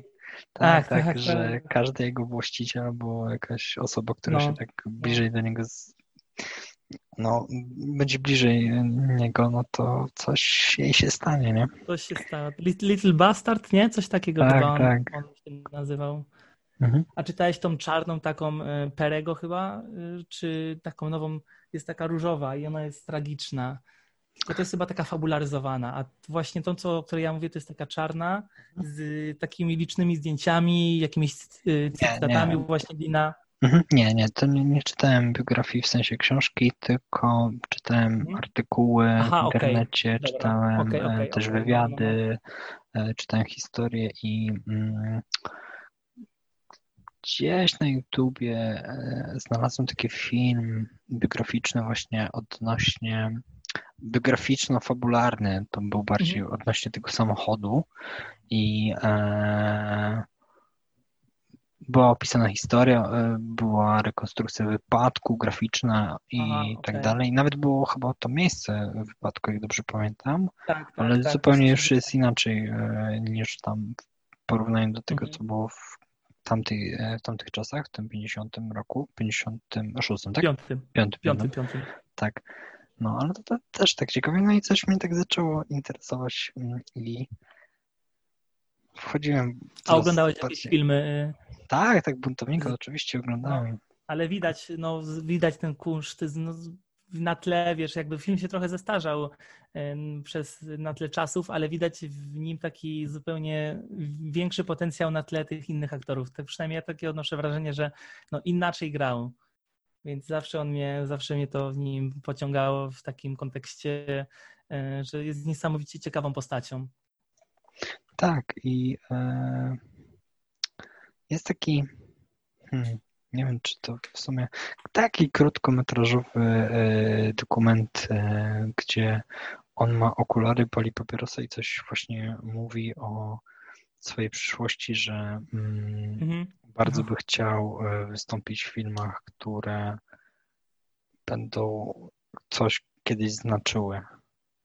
Okej, tak w no, sumie mm, wydaje mi się, że budownik, buntownik bez powodu znaczy dużo jako film. tak, nie? tak, tak. No, Olbrzym zresztą też taki dość, dość głoś, głośny film. Mhm. Także no, to prawda, ale też ciekawe jest, bo on w ogóle był zaproszony do takiej telewizji śniadaniowej, chociaż wiadomo, że tam e, zupełnie inaczej to wyglądało, żeby po, porozmawiać o bezpieczeństwie na drodze. Mhm. I, I on był jako właśnie taki ekspert, no bo on się ścigał w tych wyścigach rajdowych. Tak, tak. No i się wypowiadał, jakiś tam go dziennikarz przepytywał, jakieś rady, e, rady do, do młodych kierowców, nie, żeby, e, żeby zachować bezpieczeństwo na drodze. No i James Dean właśnie takie śmieszne tam takie zdanie powiedział, no nie pamiętam go dokładnie, będę go musiał zaraz znaleźć, ale coś w stylu, że jeździcie wolniej, żebym ja mógł jechać szybciej, czy coś takiego. Ale no, Też, e, podobno, prawdopodobnie nie wiadomo jak to było, czy to jest prawda, czy nie, e, że jego ostatnie słowa to było on nas chyba- widzi, nie? Coś takiego. ten chyba młody, on nas widzi i chyba zaraz coś oberwiemy, coś takiego, nie? No ale Tak, tak. ciekawy aktor, nie? Bardzo, no, więc to, to była taka postać zdecyd- zdecydowanie. Czy masz jakieś nawyki albo rutynę, która według Ciebie wpływa na Twoje życie? Hmm. No, ciężko powiedzieć, bo próbowałem na przykład kiedyś wstawać bardzo wcześnie, bo też e, dużo też czytałem o tych nawykach jakichś e, takich guru mm. i to zwracali uwagę na, tym, na to, że, że wtedy ten mózg jest najbardziej taki aktywny i najlepiej z rana podejmować się tych najtrudniejszych czynności, które mamy zaplanowane na następny dzień. Ale różnie z tym bywa, bo ja też dobrze mi się często piszę i, i zbieram materiały nocą, jak już jest tak cicho. Jestem ciągle jakby w rytmie dnia. Jak wstaję rano, to już potrzebuję czasu, żeby wejść w ten rytm dnia, więc nie do końca mm, jest to taki odpowiedni, odpowiedni czas, zwłaszcza jak nagrywam na przykład, no to ten głos rano zupełnie, zupełnie jest beznadziejny, bo po prostu jest, trzeba rozgrzać ten aparat mowy, żeby móc mówić więc wolę jednak nagrywać nocą i, i wysypiać się później. Ale z takich nawyków, no nie wiem, no to, że jestem wegetarianinem można uznać za jakiś nawyk niejedzenia mięsa. Więc to, to może coś takiego. Rozumiem. A kogo podziwiasz? No, tu bym taką musiał listę dość dłuższą wymienić, bo jest sporo takich osób, które za coś podziwiam, ale ogólnie podziwiam osoby, które mają odwagę realizować swoje marzenia, ale też które były albo są w stanie, wiesz, zginąć za, za to, co kochają, za to, Mhm. mm, czego chcą bronić. No i na pewno taką osobą, y, którą podziwiam, no to y, był Tadeusz Kościuszko. Na pewno kiedyś miałem dużą, dużą taką mm, takiego bzika na punkcie tej postaci, bo czytałem dużo, dużo o nim i biografię i, i inne jakieś takie książki, które, w których on występował, więc y, Tadeusz Kościuszko, no jego podejście do życia i to, jaką był osobą, to myślę, że to jest taki y, przykład takiego prawdziwego bohatera. No i też on też Mhm. dużo takich cytatów, y, czy tam pamiętamy taki jeden cytat, tylko wierność ludziom czyni z nas człowieka. To właśnie jest też z Tadeusza Kościuszki i bardzo dużo jest takich cytatów. Y, Mimo takiego niskiego wzrostu, no to, to olbrzymia postać. Tak. Kolejną osobą, no to na pewno też y, Witold Pilecki, też postać znana, no to też niesamowita, więc, więc to jest też godna podziwu. Yy, I też takie podejście jego do życia, też cytat pamiętam jego, że starałem się tak żyć, żeby w godzinie śmierci mógł móc umrzeć z uśmiechem na twarzy. Czy, czy nie lękać się? No, no coś, coś takiego, ale bardzo takie, Mhm. yy, no patrząc na jego życie, no to, no to nie miał lekko i w tej odwagi nieraz, yy, nieraz musiał udowodnić swoją odwagę. Kolejną taką postacią, którą pewnie, którą może znasz i którą na pewno podziwiam, bo też przeczytanie książki jego to wywarło duży wpływ na mnie, to była postać Ernesta Shackletona, Sir, Sir Ernesta, no bo też miał tytuł królewski tam mm, w Wielkiej Brytanii. Nie wiem, czy kojarzysz tą postać? Hmm. To musiałbym spra- tak, y, musiałbym sprawdzić, bo nie wiem, czy to nie inną osobę kojarzę, ale sprawdzę. Coś mi świta to nazwisko. No to ogólnie właśnie też dużo, dużo podróżników, y, tych takich prekursorów y, z początku XX wieku, no to oni byli naprawdę niesamowici, no ale wśród nich no to Ernest Shackleton to on pochodzi z takiej rodziny, który, którego mottem, której mottem życiowym było by endurance we conquer, czyli zwyciężamy dzięki wytrwałości. I on faktycznie jakby jest utożsamieniem te, tego motta, bo jego życie, jego te podróże to jest ciągła walka e, z przeciwnościami losu. On w 1900 chyba południowego. Coś, coś przerwało? zdobyć, tylko proszę? Coś przerwało w 1900? E, w 1912 albo 14 roku on wyruszył w stronę bieguna południowego. Nie żeby go zdobyć, ale w jakimś tam celu, żeby znaleźć jakieś mhm. przejście. Mhm. Nie do końca pamiętam, ale ten statek utknął im no i się po prostu e, rozpadł. Wpadł między lód, lód zamarzł i, i statek pękł i oni wzięli dwie szalupy i szli z, z marynarzami, z tymi szalupami przez wiele kilometrów, wiele dni i oni chyba spędzili dwa lata na, na Antarktydzie praktycznie, no, na kole podbiegunowym, szukając y, powrotu do cywilizacji. No i prawie po dwóch latach, czy ponad po dwóch latach, kiedy mhm. już cały świat uznał ich za martwych, e, to ten Shackleton dotarł do, do takiej małej wyspy, gdzie okazało się, że jeszcze dotarli do takiego miejsca, gdzie nie ma ludzi, muszą przejść na drugą stronę, a na tą drugą stronę trzeba było przebyć góry, no takie Alpy tylko ośnieżone, więc po takie potężne góry. No oni byli całkowicie wyczerpani, no ale im się właśnie dzięki tej wytrwałości udało, więc to jest na pewno historia, którą warto poznać i jest też książka e, właśnie Ernesta Shackletona o tej wyprawie, no i serdecznie polecam bardzo, bardzo wszystkim, bo jest niesamowita. Z innych osób, których na pewno podziwiam, no to Mariusz Zaruski, założyciel TOPR, taka, taki człowiek instytucja i to nie tylko na południu w Tatrach, ale też na północy, bo nad morzem e, też chyba był generałem wojsk, Wojska Polskiego. E, więc tak, no, jak dobrze kojarzę, to tak. Tak, tak, tak, więc no taka postać niesamowita, bo był i takim najwyższym topem, jeśli chodzi o umiejętności w Tatrach i najwyższym w, nad morzem, nie? no bo on też tam dowodził, mhm. więc niesamowita postać. Innym też był Józef Oppenheim, to jego następca też w Toprze. E, też niesamowita postać. Jeszcze z takich postaci, które podziwiam, no dużo bym mógł wymieniać. No Audrey Hepburn za, za, za, za to, jakim też była człowiekiem, jak bardzo się udzielała w takie akcje charytatywne, mimo że mogła odcinać mhm. kupony, wiesz, w kolejnych filmach, gdzie by grała ładne, ładne babki, no to ona trochę poszła w inną stronę. E, więc trochę takich postaci jest. Władysław Raginis y, czy Stanisław y, Brykalski, to, to też y, z bitwy pod Wizną, też wielcy bohaterowie, co mhm. potrafili no, zginąć za, za to, w co wierzyli. Nie? Rozumiem. A mm, gdy słyszysz słowo sukces, to? A jeszcze wracając do tego podziwiania, to kogo ty podziwiasz w takim razie? Bo też ciekaw jestem. Wiesz co?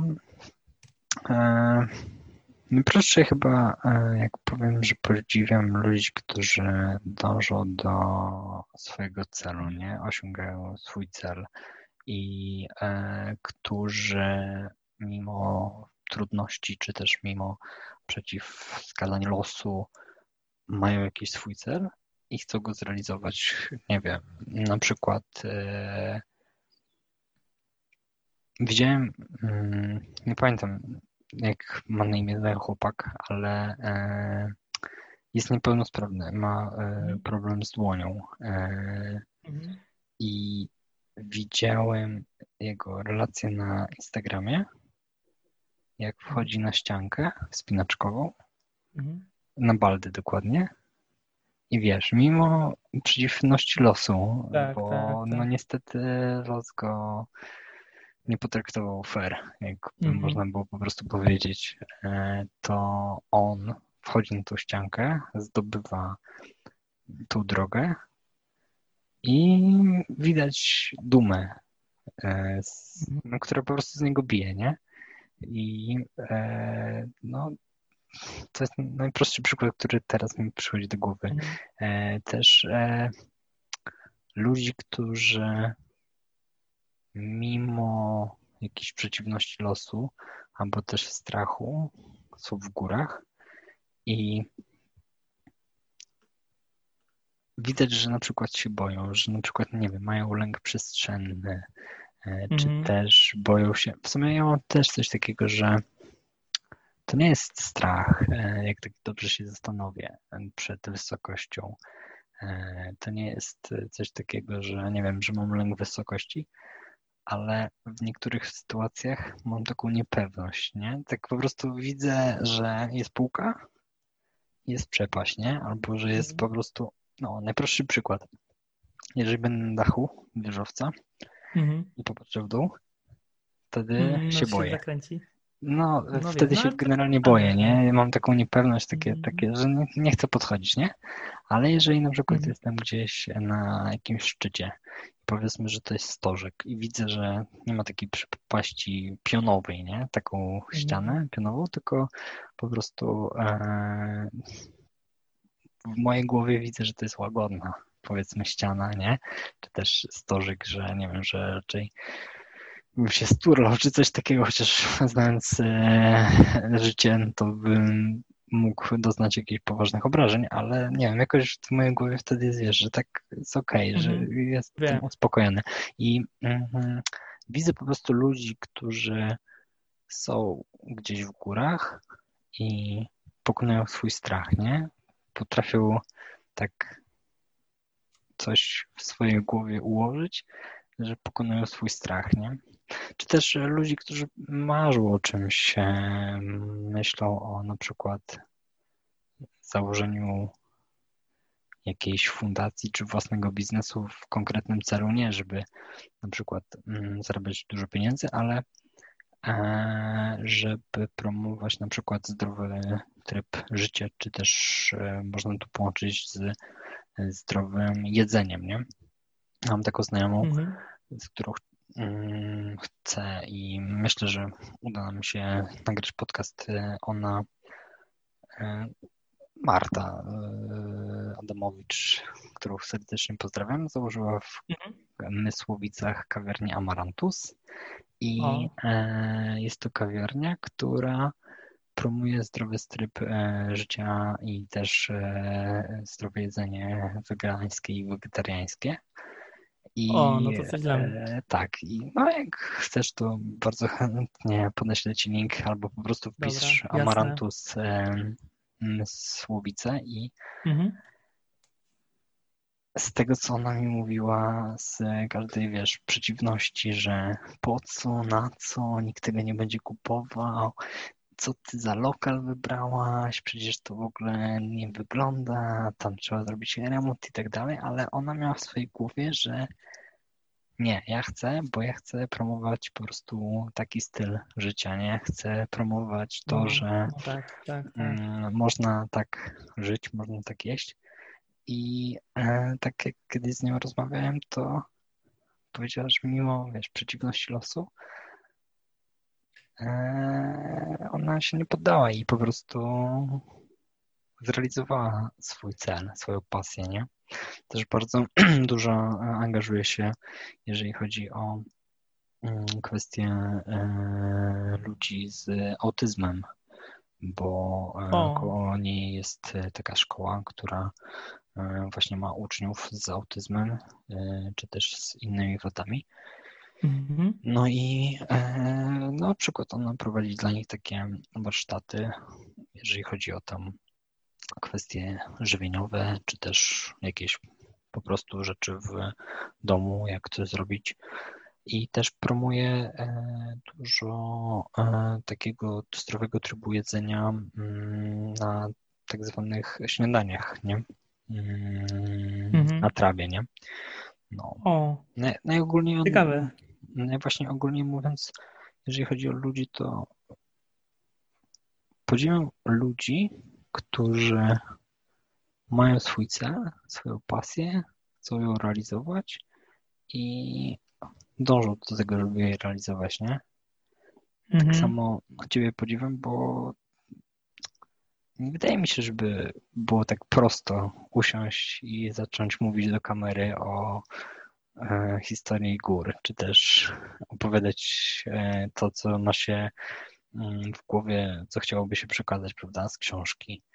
Mhm. E, Krzysiek Humaniuk też e, fajnie opowiada odnośnie zegarków, inspiruje, jeżeli chodzi o zegarki, też potrafi Tak, tak, słuchałem, no i tak właśnie, tak, wiesz, taki jestem- prosty sposób potrafi wytłumaczyć. tak, no nie? i to jest fajne, że właśnie są takie różne Mhm. zajawki, takie, wiesz, tak naprawdę niszowe, no bo nie, to nie jest coś, czym żyje cały świat, ale Dokładnie. super, że, że są ludzie, którzy mają e, jakby no, jako swój priorytet zajmowanie się takimi Mhm. rzeczami, że to jest taka mega zajawka, która ich wkręca. I właśnie słuchałem tego podcastu i tak się okazało, jakim ja jestem ignorantem, jeśli chodzi o zegarki. A rozumiem, ale to wiesz, tak jak mówiłem na tym podcaście i Krzysiek też to dobrze skomentował, że są ludzie, którzy po prostu jeszcze nie wiedzą, jeszcze tak nie wchodzą w ten temat, jeżeli chodzi o zegarków, ale e, bardzo by chcieli pójść w tą stronę, e, poznać ten aspekt zegarkowy, a są ludzie po prostu, którzy no, zegarek to zegarek, nie? Wygląda, to wygląda, nie? Jak mój Tak. jeden taki kolega, ja mówię, ty, ale tam nie ma baterii, on nie działa. Nie, nie, nie, bo to ma tylko wyglądać, nie? No, no to tak, nie, nie, to Tak. takie podejście to zdecydowanie nie No. do mnie. No wiesz, co zegarki też, jak y, gdzieś idziesz na ściankę czy coś, to też jest problem, cały czas ściągasz, zakładać, no bo w zegarku się Mhm. nie będziesz wspinał. Jakoś staram się uproszczać takie czynności, więc rzadko tak naprawdę zakładam że zegarek, bo jak jakieś mam aktywne życie, to, to jakoś czuję się niekomfortowo Rozumiem. e, z na ręce, więc. No ale Mhm. to właśnie może kiedyś już dojrzeję do tego, żeby, żeby się zagłębić w ten temat i, i wymienić swój zegarek na jakiegoś tam Seiko, czy jakie tam były podawane te modele. Jak coś, to ja ci polecam e, model G-Shocka. Znajdziesz coś na pewno dla siebie e, i, No to są takie. i takie ten, i tak jak wyglądają na takie, co dadzą radę, nie? Tak, tak. I tak jak powiedziałem, e, jak zobaczyłem film Krzyśka, jeżeli chodzi o, mm, o G-Shocki, no to tak zacząłem tak się zastanawiać, nie? Tak, No. Okej, dobra, czyli mi jest potrzebny taki zegarek, jakie funkcje i tak dalej, nie? No. No I też G-Shock mi się zawsze kojarzył z takim e, zegarkiem, co jest tak, e, z takim ew, mm, taka ewolucja zegarku komunijnego, że zawsze na komunii dostajesz taki zegarek elektryczny, jakby, jak byłeś mały w tym Tak. w moich latach, a G-Shock to jest taka, kurczę, taki nabombiony technologiami, taki super, ultra nowoczesny zegarek komunijny. Coś, Tak coś mam w tym sobie. No, ja mam taki najprostszy model moim zdaniem, który nie jest jakiś taki nabombiony, ale mi na spokojnie wystarcza. To jest G100 i ma wszystkie funkcje, które są mi absolutnie potrzebne do życia, czyli Czyli pokazuje godzinę. tak, pokazuje godzinę w sensie normalną tarczę ma, jest forma Mhm. elektroniczna, ma stoper, ma podświetlenie, ma O. e, datownik. Wszystko, co jest mm, potrzebne moim zdaniem zegarku, e, Mhm. no to jest w tym zegarku. No.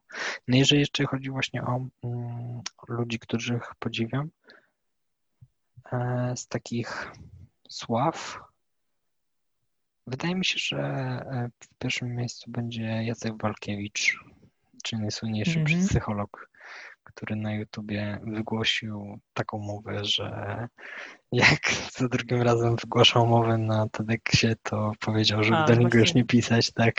Miałem Ale pytać, czy o TEDxie mówisz. tak, tak, o, o, o TEDxie mówię i e, no tak, ta mowa cały czas jest dla mnie aktualna, mimo wszystko. Mimo tego, że No, jest nagrana już chyba w 2013, jak dobrze pamiętam, musiałbym sprawdzić, ale ma coś takiego w sobie, że cały czas jest aktualna, nie? No, no, zgadza się. No, na pewno to No, bardzo inspirująca mowa. No, zresztą też tak na podobnym poziomie bym ustawił też e, Michała Szafrańskiego. Jego podcasty często, często są tak, właśnie tak. takie inspirujące i, i Tak jak- faktycznie bardzo pozwalają. Tak jak na samym początku powiedziałem no, w moim pierwszym podcaście, właśnie mówiłem o Michale Szafrańskim i jego książce Finansowy Ninja.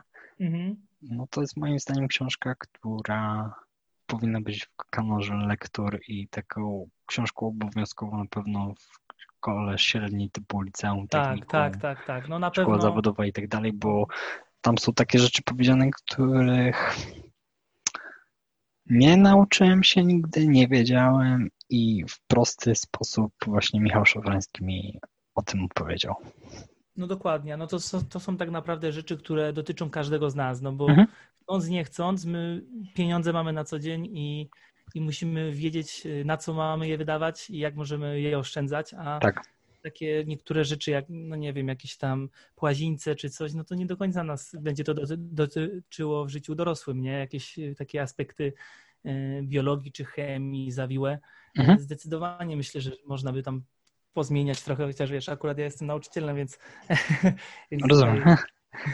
Ale, ale ten, no, to się zgadzam w 100% z tobą, no, Mhm. że, że Michał Szafrański, no i też mi się podobają właśnie takie przedstawianie tych materiałów u Szafrańskiego, czy też u innych, no bo też nie jest tylko on, ale że to nie jest tylko motywowanie, ale też takie pokazywanie Tak. tej instrukcji obsługi tej drogi, nie? To nie jest tak, że ty musisz zacząć robić, ty musisz zacząć robić, ale tak naprawdę to są takie puste słowa, jak moim zdaniem troszkę u Briana Tracy'ego można to spotkać w niektórych, zwłaszcza późniejszych książkach, co jest po prostu odcinanie kuponów i pisanie ciągle tego samego, tylko przytaczanie innych przykładów i, i zdecydowanie jestem takim zwolennikiem takiego racjonalnego podejścia do życia i do biznesu, jak u Michała Szafrańskiego, który e, po prostu mówi, co trzeba zrobić, jak i dlaczego musisz zacząć to robić, bo jakie będą konsekwencje, jeśli tego nie zaczniesz robić, nie? a nie po prostu takie puste motywowanie i przytaczanie takich, wiesz, w jakichś takich y, historii. Mhm. e, Tak, tak, do- dokładnie. Nie do końca wiadomo, czy są prawdziwe, czy są po prostu zmyślone na potrzeby książki, nie? No, ale to tak em, założyciel Virgin e, Mobile grupy Virgin e, Richard Branson, Tom tak, na, mhm. tak, napisał pierwszą książkę, która ma chyba 190, jak dobrze pamiętam, stron, którą przeczytałem. Mhm. Jest ciekawa, inspirująca, a druga książka powiedzmy jest identyczna, tylko jest nadmuchana moim zdaniem. Ma No. ponad 400, prawda? No więc dokładnie wiesz o, czy, wiesz, o czym mowa. No na przykład takim przykładem takiej książki, która nie jest nadmuchana, no to na pewno jest e, Dale Carnegie. Nie wiem, tak się to mówi, ale chyba Mhm. tak. Carnegie też słyszałem, ale chyba Carnegie, nie? E, No to jak, no wiesz, o którą książkę chodzi, nie? Jak tam się przestać martwić i zacząć żyć chyba. Ten Tak, tytuł tak, brzmi, tak, nie tak. pamiętam. No ale to są takie książki, które zostały napisane już z 80 lat temu i to są uniwersalne wartości i często one są Mhm. powielane przez y, tych Timothy Robinsonów, Brianów Tracy, a to już było napisane. E, Mhm. Tak samo Napoleon Hill, to też jest taka postać, która była prekursorem tych, Tak, tak, tych tak. właśnie książek, no i to są wartościowe, ale no, takie jakieś popłuczyny już to no, naprawdę warto sobie odpuścić i lepiej posłuchać jakichś mądrych wykładów, tak Mhm. jak na przykład Miłosz, nie wiem czy Miłosz Brzeziński, czy, czy też coś słuchałeś? Miłosza E, Brzezińskiego? Miłosza Brzezińskiego nie słuchałem, ale tak Podeślę, wiesz co, link do jednego, do rozmowy Miłosza Brzezińskiego na kanale Mała Wielka Firma. Super, Mhm. naprawdę super rozmowa i bardzo fajny kanał, taki niszowy. E, No rzadko tam, to są takie tematy głównie biznesowe o zarządzaniu firmą, więc ja jakby Tak, jeden- ale czasem- Mhm. tematów nie interesuje, więc tam co dziesiąty materiał oglądam, no ale jak widzę jakiś temat, który jest nie o biznesie, a po prostu o takim życiu, czy jest wywiad z ciekawą rozmową, no to po prostu sobie puszczam i ma, bardzo polecam ten podcast. Mała Wielka Firma na YouTubie i też na Tak, też polecam. I też, jeżeli chodzi o małą, wielką firmę, to e, są moim zdaniem takie też e, rzeczy, które możesz wykorzystać po prostu w życiu codziennym, a nie jako, jeżeli chodzi o, o biznes, nie? Tak, tak, tak. No Dużo jest bardzo dużo takich takich rzeczy jest, no bo biznes to jest też częścią życia i jakby relacji z ludźmi, więc tak naprawdę dużą Dokładnie. częścią biznesu jest to, jak, jak, jakie masz podejście do ludzi i do życia, więc to, to często się tak przenika. Mhm. tak sobie właśnie teraz myślę, no e, niektóre podcasty e, Joe Rogana są bardzo ciekawe, jeżeli chodzi mhm. o inspirujących ludzi i też e, Tima, Tima Ferisa, ale tak. Niektóre już są bardziej takie stricte nastawione na jakieś inwestowanie w coś, prawda, u Ferisa mhm. albo albo po prostu na jakiś dany produkt, który jest tam moim zdaniem jak gdyby reklamowany w podcastowy sposób, ale mm, jeżeli mam być szczery, to Narzędzie Tytanów to jest ciekawa książka. Tak. tak naprawdę to jest po prostu książka, która jest spisana z podcastów, ale tak mm-hmm. można ale dużo z niej, tak, dużo można z niej wyciągnąć, nie? Tak, i na przykład jest też to Plemię Mentorów, nie? Ta nowsza książka, to moim zdaniem zdecydowanie bardziej polecam narzędzie. Tytanów i to Plemię to jest takie już y, trochę na siłę, no tak, tak przynajmniej ja odbieram. Tak, tak, to też o Na sukcesie czytałem. narzędzie Tytanów troszkę zostało wydane to mhm. Plemię, ale narzędzia na pewno warta, warta przeczytania książka, więc to też jest super do polecenia. Też uważam, e, że należy czytać książki biograficzne, jeżeli chodzi o ludzi, którzy nas interesują, prawda, którzy nas ciekawią z różnych e, powodów. E, profesor Feldman. Jest taka książka, Pan raczy żartować, panie Feldman. Mhm. E, Klasyka, tak, tak, tak. Tak, no bardzo ciekawa biografia założyciela Nike zaraz znajdę tytuł, bo już nie pamiętam do końca, a nie chcę... Też, też kojarzę. Tak, no ale na przykład teraz czytam książkę, mm, w sumie później dojdziemy do pytania, a to, mhm. a to dobrze, to jeszcze nie będę zdradzał, jaka to jest książka, e, ale tak jednego z amerykańskich prezydentów czytam i a, no to Benjamina Franklina. Nie, nie, nie, nie. No, zupełnie coś innego. Coś ciekawszego. No to zaskoczysz, I... dobra. Tak, no, zaskoczę no. i tylko znajdę tą książkę. Um... Jeśli chodzi o biografię, to też e, bardzo polecam film Senna. Nie wiem, czy kojarzysz o a, a Artiomie? Chyba tak, Artiom Senna, o rajdowcu co zginął w wypadku Formuły 1 i jest na Netflixie właśnie był ten film, taki dokumentalny, no niesamowity, przynajmniej dla mnie zrobił duże wrażenie, ale kurczę, chyba go usunęli, w sensie już chyba wycofali, nie wiem, trzeba poszukać, czy nadal jest gdzieś mhm. dostępny, ale polecam Senna do oglądnięcia, bardzo, mhm. bardzo ciekawy. Ale to tam powiedz, już znalazłeś tytuł? To tak, to jest e, Sztuka Zwycięstwa wspomnienia twórcy Nike, Philip e, Kington. A, okej, okay, dobra, taka czarna okładka z takim złotym napisem, nie? Tak, Film. tak. Okej, okay, już tak przypomniałem sobie, ale jeszcze nie czytałem. No i polecasz? Tak, polecam i e, w sumie zaczęło się to od takiego kawału. E, kawał brzmi tak, że spotyka się trzech e, ludzi, patrzą na sobie buty i Jeden z nich ma buty wyprodukowane w Japonii, jeden w Stanach, a jeden w Niemczech, nie? Mhm. No i chodzi o Nike, Adidasa i New Balance. tak. Adidas oczywiście mhm. niemiecki, e, Nike tak naprawdę zaczął być produkowany w Japonii, ale później w Stanach, no New Balance to cały czas są produkowane, znaczy Fabryki już są oczywiście poza Stanami, ale pochodzą ze Stanów. Co my chciałem zapytać o, Ciebie nie... o ten, o słowo sukces, ale wydaje mi się, że omówiliśmy już ten temat, tak jak w sumie. No, myślę, że tak, no tak, mhm. coś wspomnieliśmy na ten temat. Ale sukces mi się wydaje, że to po prostu, wiesz, jeśli chodzi o takie podejście e, w góry, no to sukcesem zawsze jest wejście na szczyt, więc to sukcesy trzeba sobie wyznaczać regularnie co, co będziemy uważać za sukces, no i próbować dążyć do tego, więc jakiś taki jeden, jedno skojarzenie z tym słowem to chyba nie przychodzi mi do głowy. Mhm. W sumie racja, jak jesteś na szczycie, czujesz tą dumę i czujesz ten sukces, nie? Tak, no dokładnie. Jakiś, nawet no, po prostu wiesz, że zrealizowałeś to, co było twoim mhm. celem, nie? Więc po masz takie poczucie spełnienia.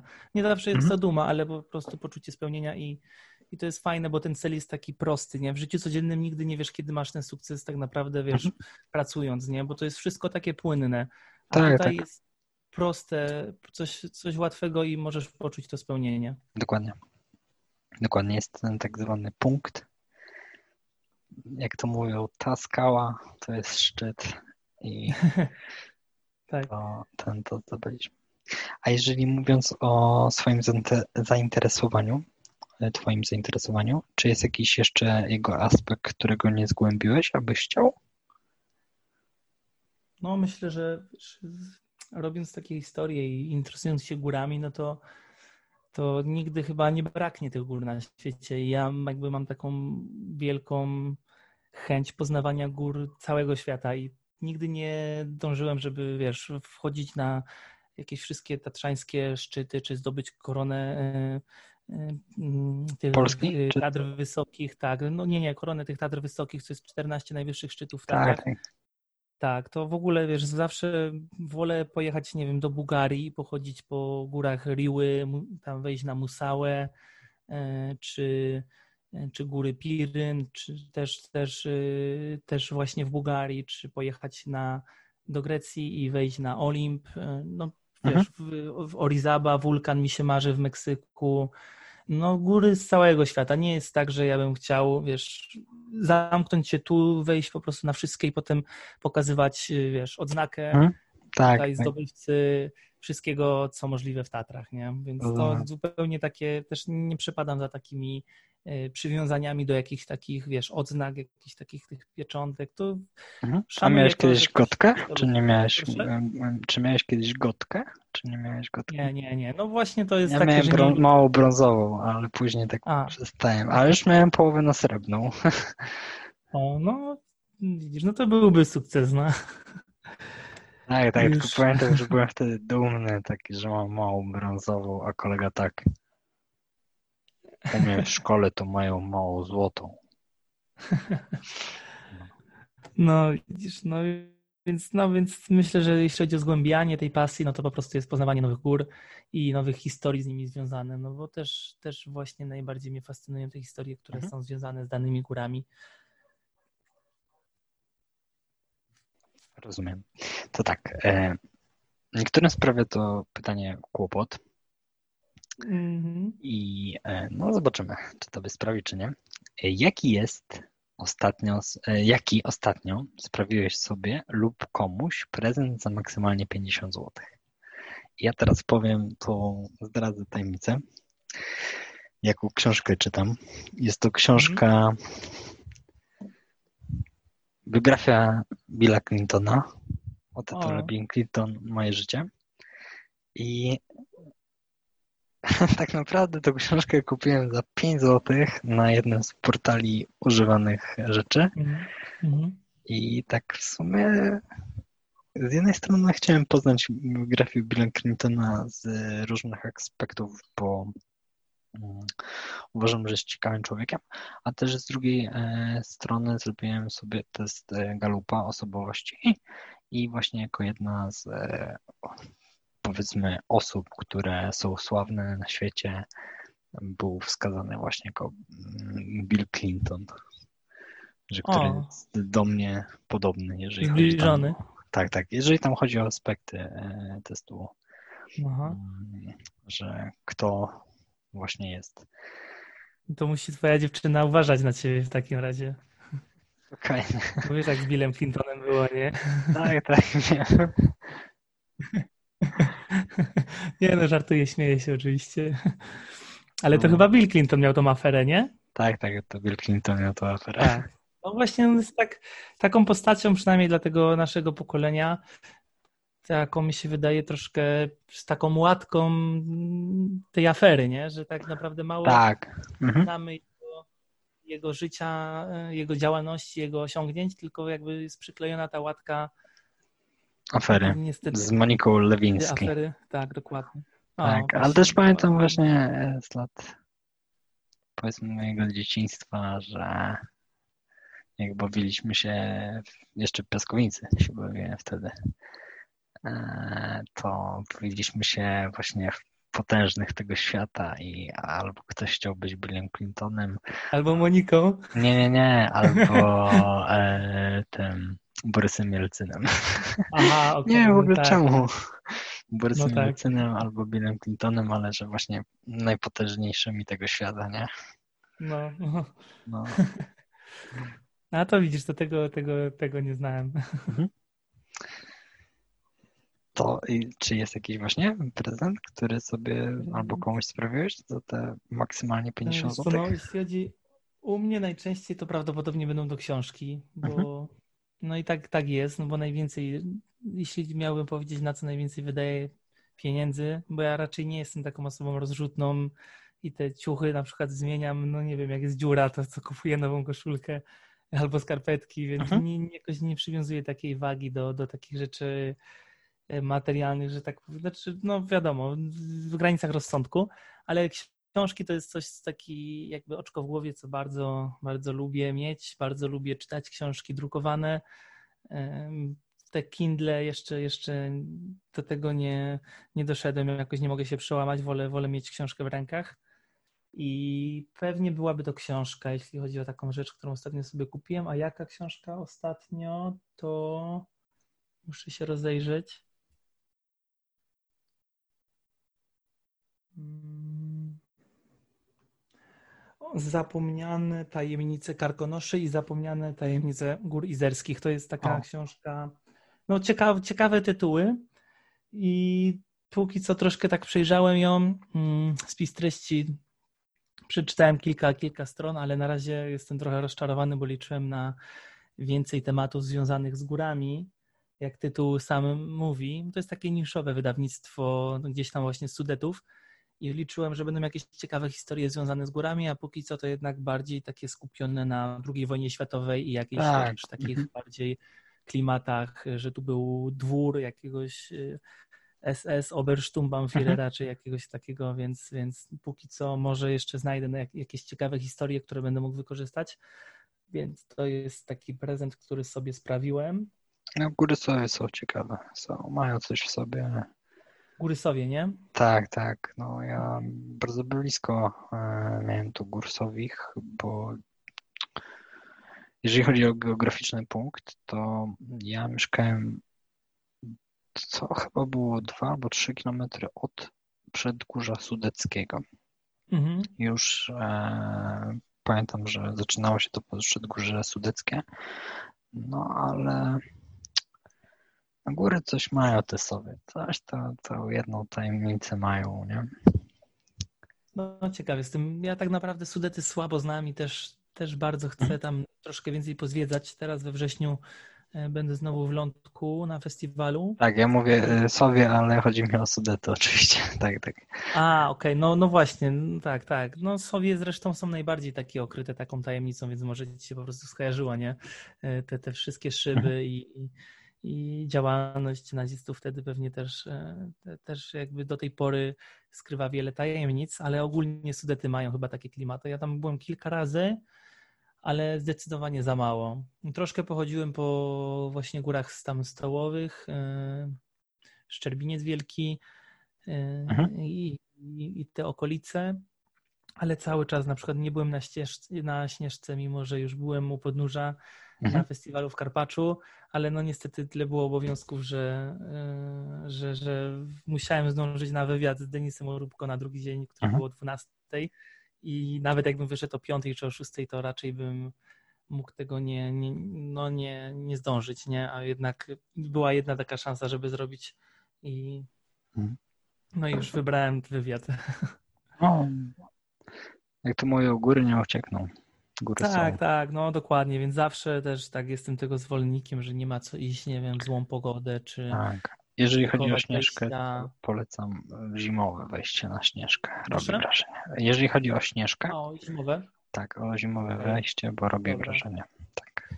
No to chyba niedługo będę miał okazję z tego, co, co wygląda, że już się ta jesień zbliża wielkimi krokami, więc mam nadzieję, że uda mi się. No teraz jeszcze jest trochę to oblężenie takie przez tą pandemię. Mhm. Troszkę widać, że tych turystów w górach jest więcej, więc czekam, żeby trochę to tak ucichło i wtedy na jesień em, i zima, to będę aktywnie pewnie jeszcze więcej chodził. W sumie mam podobne plany. No, o, widzisz, no to pewnie mhm. się spotkamy na szlaku. Myślę, że się zgadamy. Mam nadzieję. A jaką byś radę dał samemu sobie wieku o x lat mniej? Jakbyś mógł po prostu cofnąć się w czasie, spotkać tego Macieja, który jest młodszy powiedzmy o 10 lat albo o nie wiem, o ileś tam lat, czy byłabyś, byłaby jakaś rada, którą byś chciał dać samym sobie? Jeszcze bym był chyba w liceum wtedy. No, wtedy dopiero by była druga klasa, więc jeszcze bym był troszkę taki mały smrodek. Wiesz co? Hmm. Wydaje mi się, że e, przywiązuj mniejszą wagę do tego, mm, do czego dużą wagę przywiązują dorośli, a większą wagę do tego, co ty po prostu chciałbyś e, robić, gdyby, gdybyś mógł realizować e, to, co chcesz, a nie realizować ambicje i aspiracje innych.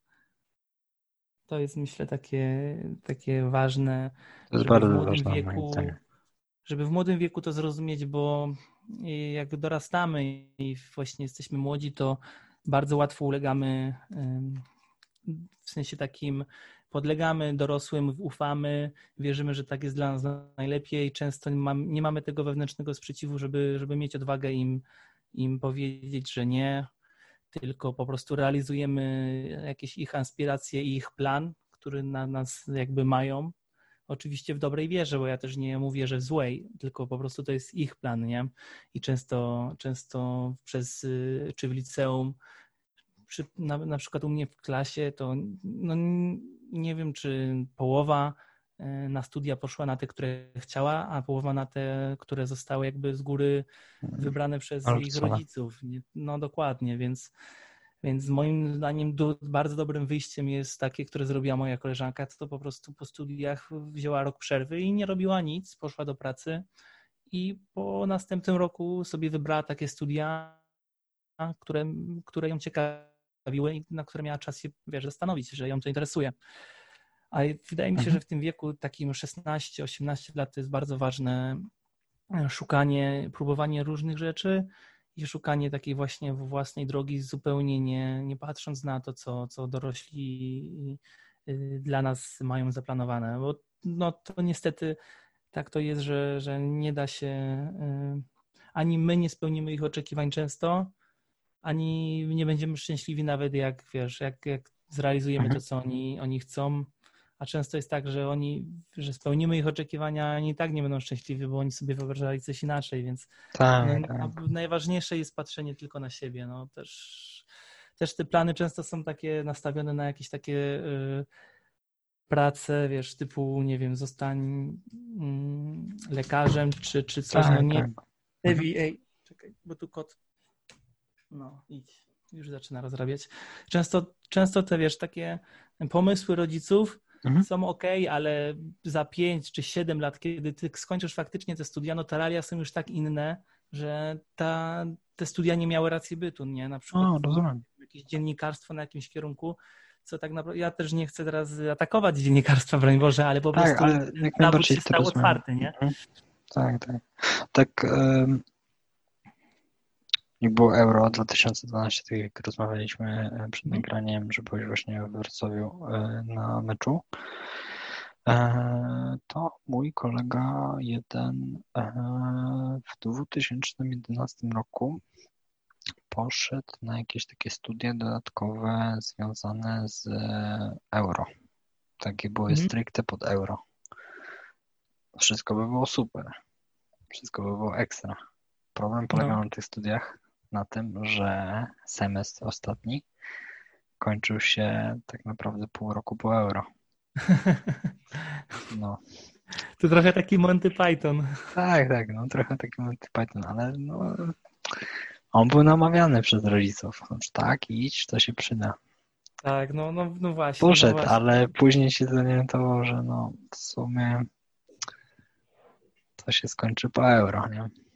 No dokładnie. No też jeśli chodzi o euro, to pamiętam taką historię, że wtedy jakoś w 2011 roku, czy już to był początek XII, ale chyba jeszcze XI, do Polski przyszedł jakiś Niemiec, chyba, mhm. co miał taką dość bogatą karierę. On miał już taki wiek, miał 35 lat, dość bogata kariera gdzieś w Bundeslidze, no i przyszedł do Ekstraklasy. Nie pamiętam, czy to był Niemiec, ale no jakby mniej więcej Austria, Niemiec, gdzieś z tych regionów.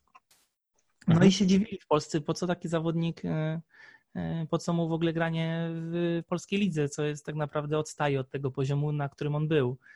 No i on gdzieś tam w jakimś wywiadzie powiedział, że no on niedługo planuje zakończyć karierę, no ale że zbliża się Euro 2012 w Polsce i na Ukrainie, no i że niemieckie telewizje będą szukały ekspertów, którzy znają tą ligę, którzy grali w Polsce, żeby do telewizji ich wziąć jako właśnie takich telewizyjnych no ekspertów. No tak.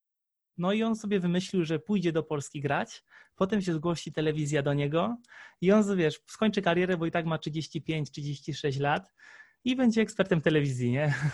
Także takie cieka ciekawy pomysł na siebie znalazł y, tuż przed euro. No. Ale, Ale pomysł przed euro to wiem, że Plan pamiętam. spalił na pan FC, bo jednak się żadna telewizja nie odezwała. Także tak to jest.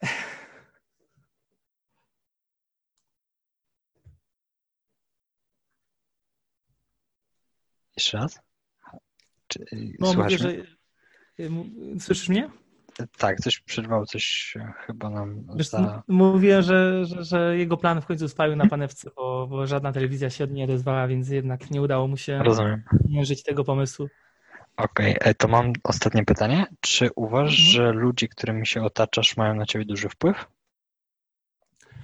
Kurczę, no myślę, że na każdego mają, świadomy lub nieświadomy, to nawet, y, wiesz, takie y, samo to, czy nasze środowisko, w którym się otaczamy, y, jest pozytywnie nastawione do życia, czy negatywnie, czy, to, wiesz, czy, czy są agresywni nawet werbalnie, słownie, czy, czy przeklinają non-stop i wiesz, lubią mhm. się kłócić, no bo są takie osoby, co po prostu lubią się kłócić i nawet to na nas ma wpływ i jakby zmienia nasz, nasz też stan taki e, ducha, nie? czy jesteśmy szczęśliwi, czy nie, to też wprowadza taką nerwowość do życia, jeśli się otaczamy takimi ludźmi pesymistycznymi, właśnie takimi agresywnymi, więc myślę, że takie otaczanie się właściwymi osobami jest y, kluczem do wielu sukcesów w życiu tak naprawdę, więc myślę, że mam w swoim gronie takich ludzi, takich toksycznych już się starałem y, wykreślić. No niestety ta szkoła i studia często są takim środowiskiem, no praca może też, ale już jest większy wybór.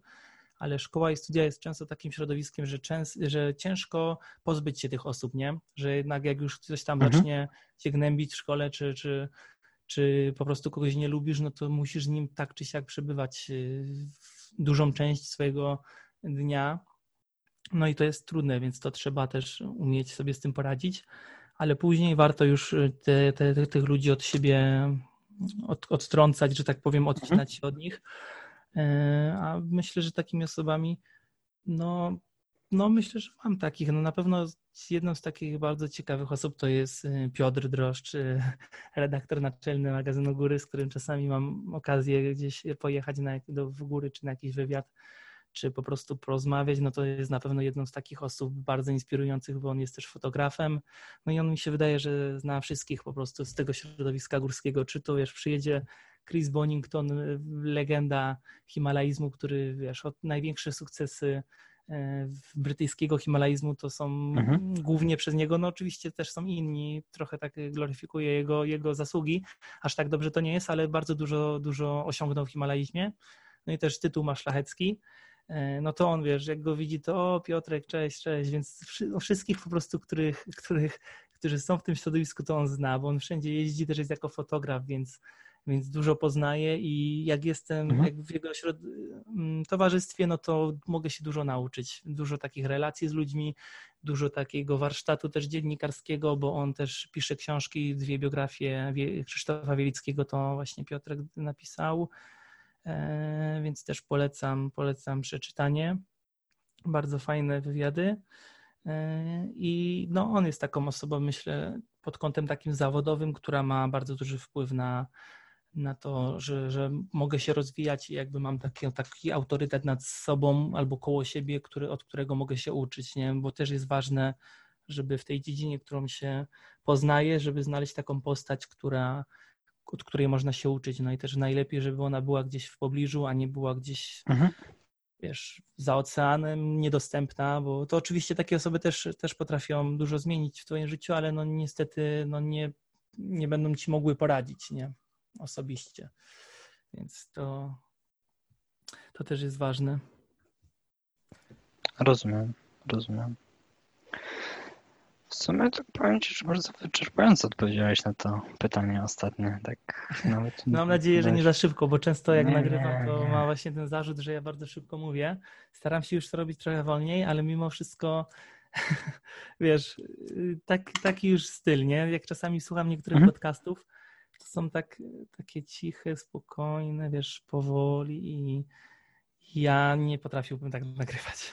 Nie, nie. Moim zdaniem, mm, jeżeli chodzi o płynność, to jest bardzo czytelne i, i bardziej chodziło mi po prostu o to, że bardzo rzeczowo odpowiedziałeś na to pytanie, nie? Podałeś konkretne osoby i no, bardzo mhm. dziękuję za taką konkretną odpowiedź. A, no to się cieszę, cieszę się, że no, że się, że, że wyczerpująco udało mi się odpowiedzieć. Mhm.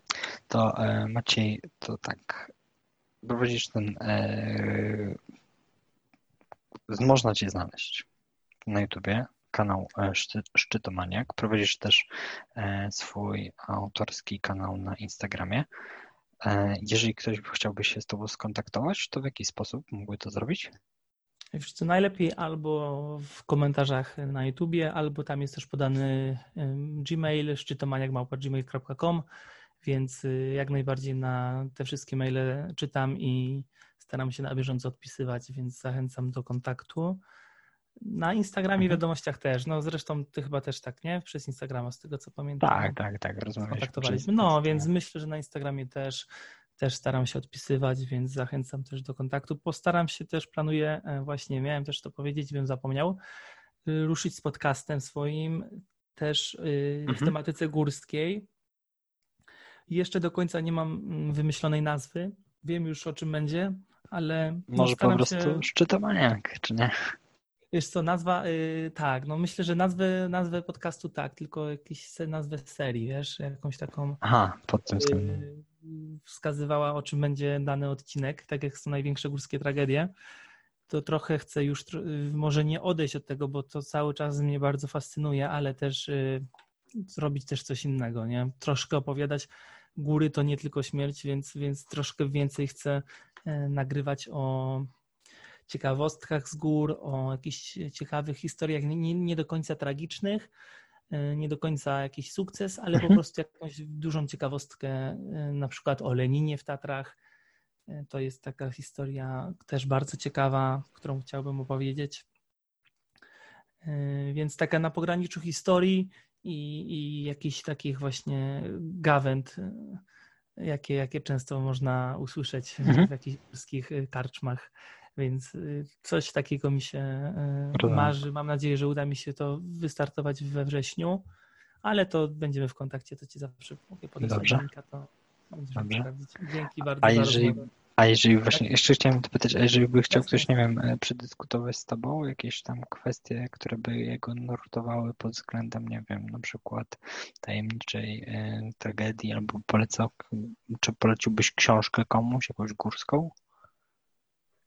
Co książek górskich to na pewno o książkach górskich zrobiłem materiał top 10 moich książek górskich i myślę, że to można zerknąć na kanale właśnie Szczytomaniak top 10 książek, gdzie wymieniam takie moim mhm. zdaniem najciekawsze, aczkolwiek to się pewnie będzie zmieniało, bo od tego czasu to już doszło mi ponad 30 książek, więc, więc to będzie, będę musiał uaktualizować to, to, to, ten materiał, ale jedną taką książkę, którą mógłbym polecić, to jest na mhm. pewno Ścieżka Nejca Zaplotnika. Ona jest mało popularna, ta książka, bo on, ten słoweński wspinacz w Polsce nie był zbyt popularny, ale moim zdaniem on napisał jedną z takich najlepszych książek y, górskich y, napisanych przez wspinaczy, bo też są książki górskie napisane przez mhm. dziennikarzy czy, czy dziennikarki, które nie do końca y, są z punktu widzenia właśnie wspinacza, ale raczej opisują czyjeś życie. Tutaj mamy książkę wspinacza i, i jest to wspinacz taki wyjątkowy, bo mm, pisze bardzo pięknym językiem, takim, wiesz, poetyckim. Te opisy są mhm. barwne. Nie jest to, widać, że pisane na siłę, jak czasami można, wiesz, wśród Himalajstów znaleźć takie książki. Na szczęście rzadko to się zdarza, ale zdarzają się takie książki, które są napisane słabo. E, a tutaj, no, ten spinacz już nie żyje od około 30 lat chyba, ale ta książka we Słowenii była wznawiana chyba 10 razy albo nawet więcej. Nie pamiętam dokładnie, ale to jest taki bestseller jak w Polsce, no nie wiem, 365 dni Blanki.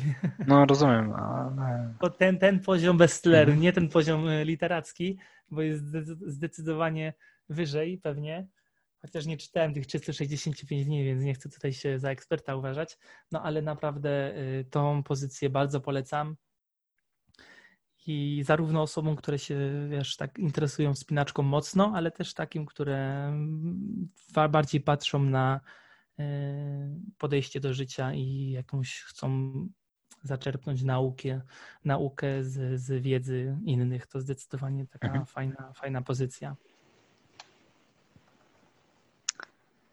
To zapisałem sobie. O, ścieżkę, tak, tak, tak. Super. To Maciej, bardzo Ci dziękuję za naszą rozmowę, e, za ten poświęcony czas, za e, odpowiedzi, które no, moim zdaniem są bardzo rzeczowe, bardzo konkretne. Mm, mam nadzieję, że spotkamy się kiedyś na szlaku i e, będziemy mogli chwilę porozmawiać. I w sumie powiem Ci szczerze, mam nadzieję, że coraz więcej będziesz nagrywał filmów, bo coraz te filmy są bardziej ciekawsze i takie, które dają taką nutkę, co tam się stało, co, dlaczego, takie wiesz, zastanawianie się o tej tragedii z innego punktu widzenia. Mhm. Cieszę się, cieszę się i dziękuję bardzo za rozmowę. Również mam nadzieję, że się uda nam spotkać gdzieś, gdzieś na szlaku. Chociaż Super. tak naprawdę pewnie mieszkamy niedaleko, jak jesteś z Krakowa. Tak. Ale zobaczymy. Nam się uda gdzieś spotkać. Super. Bardzo dziękuję za rozmowę. Dziękuję bardzo. Cześć.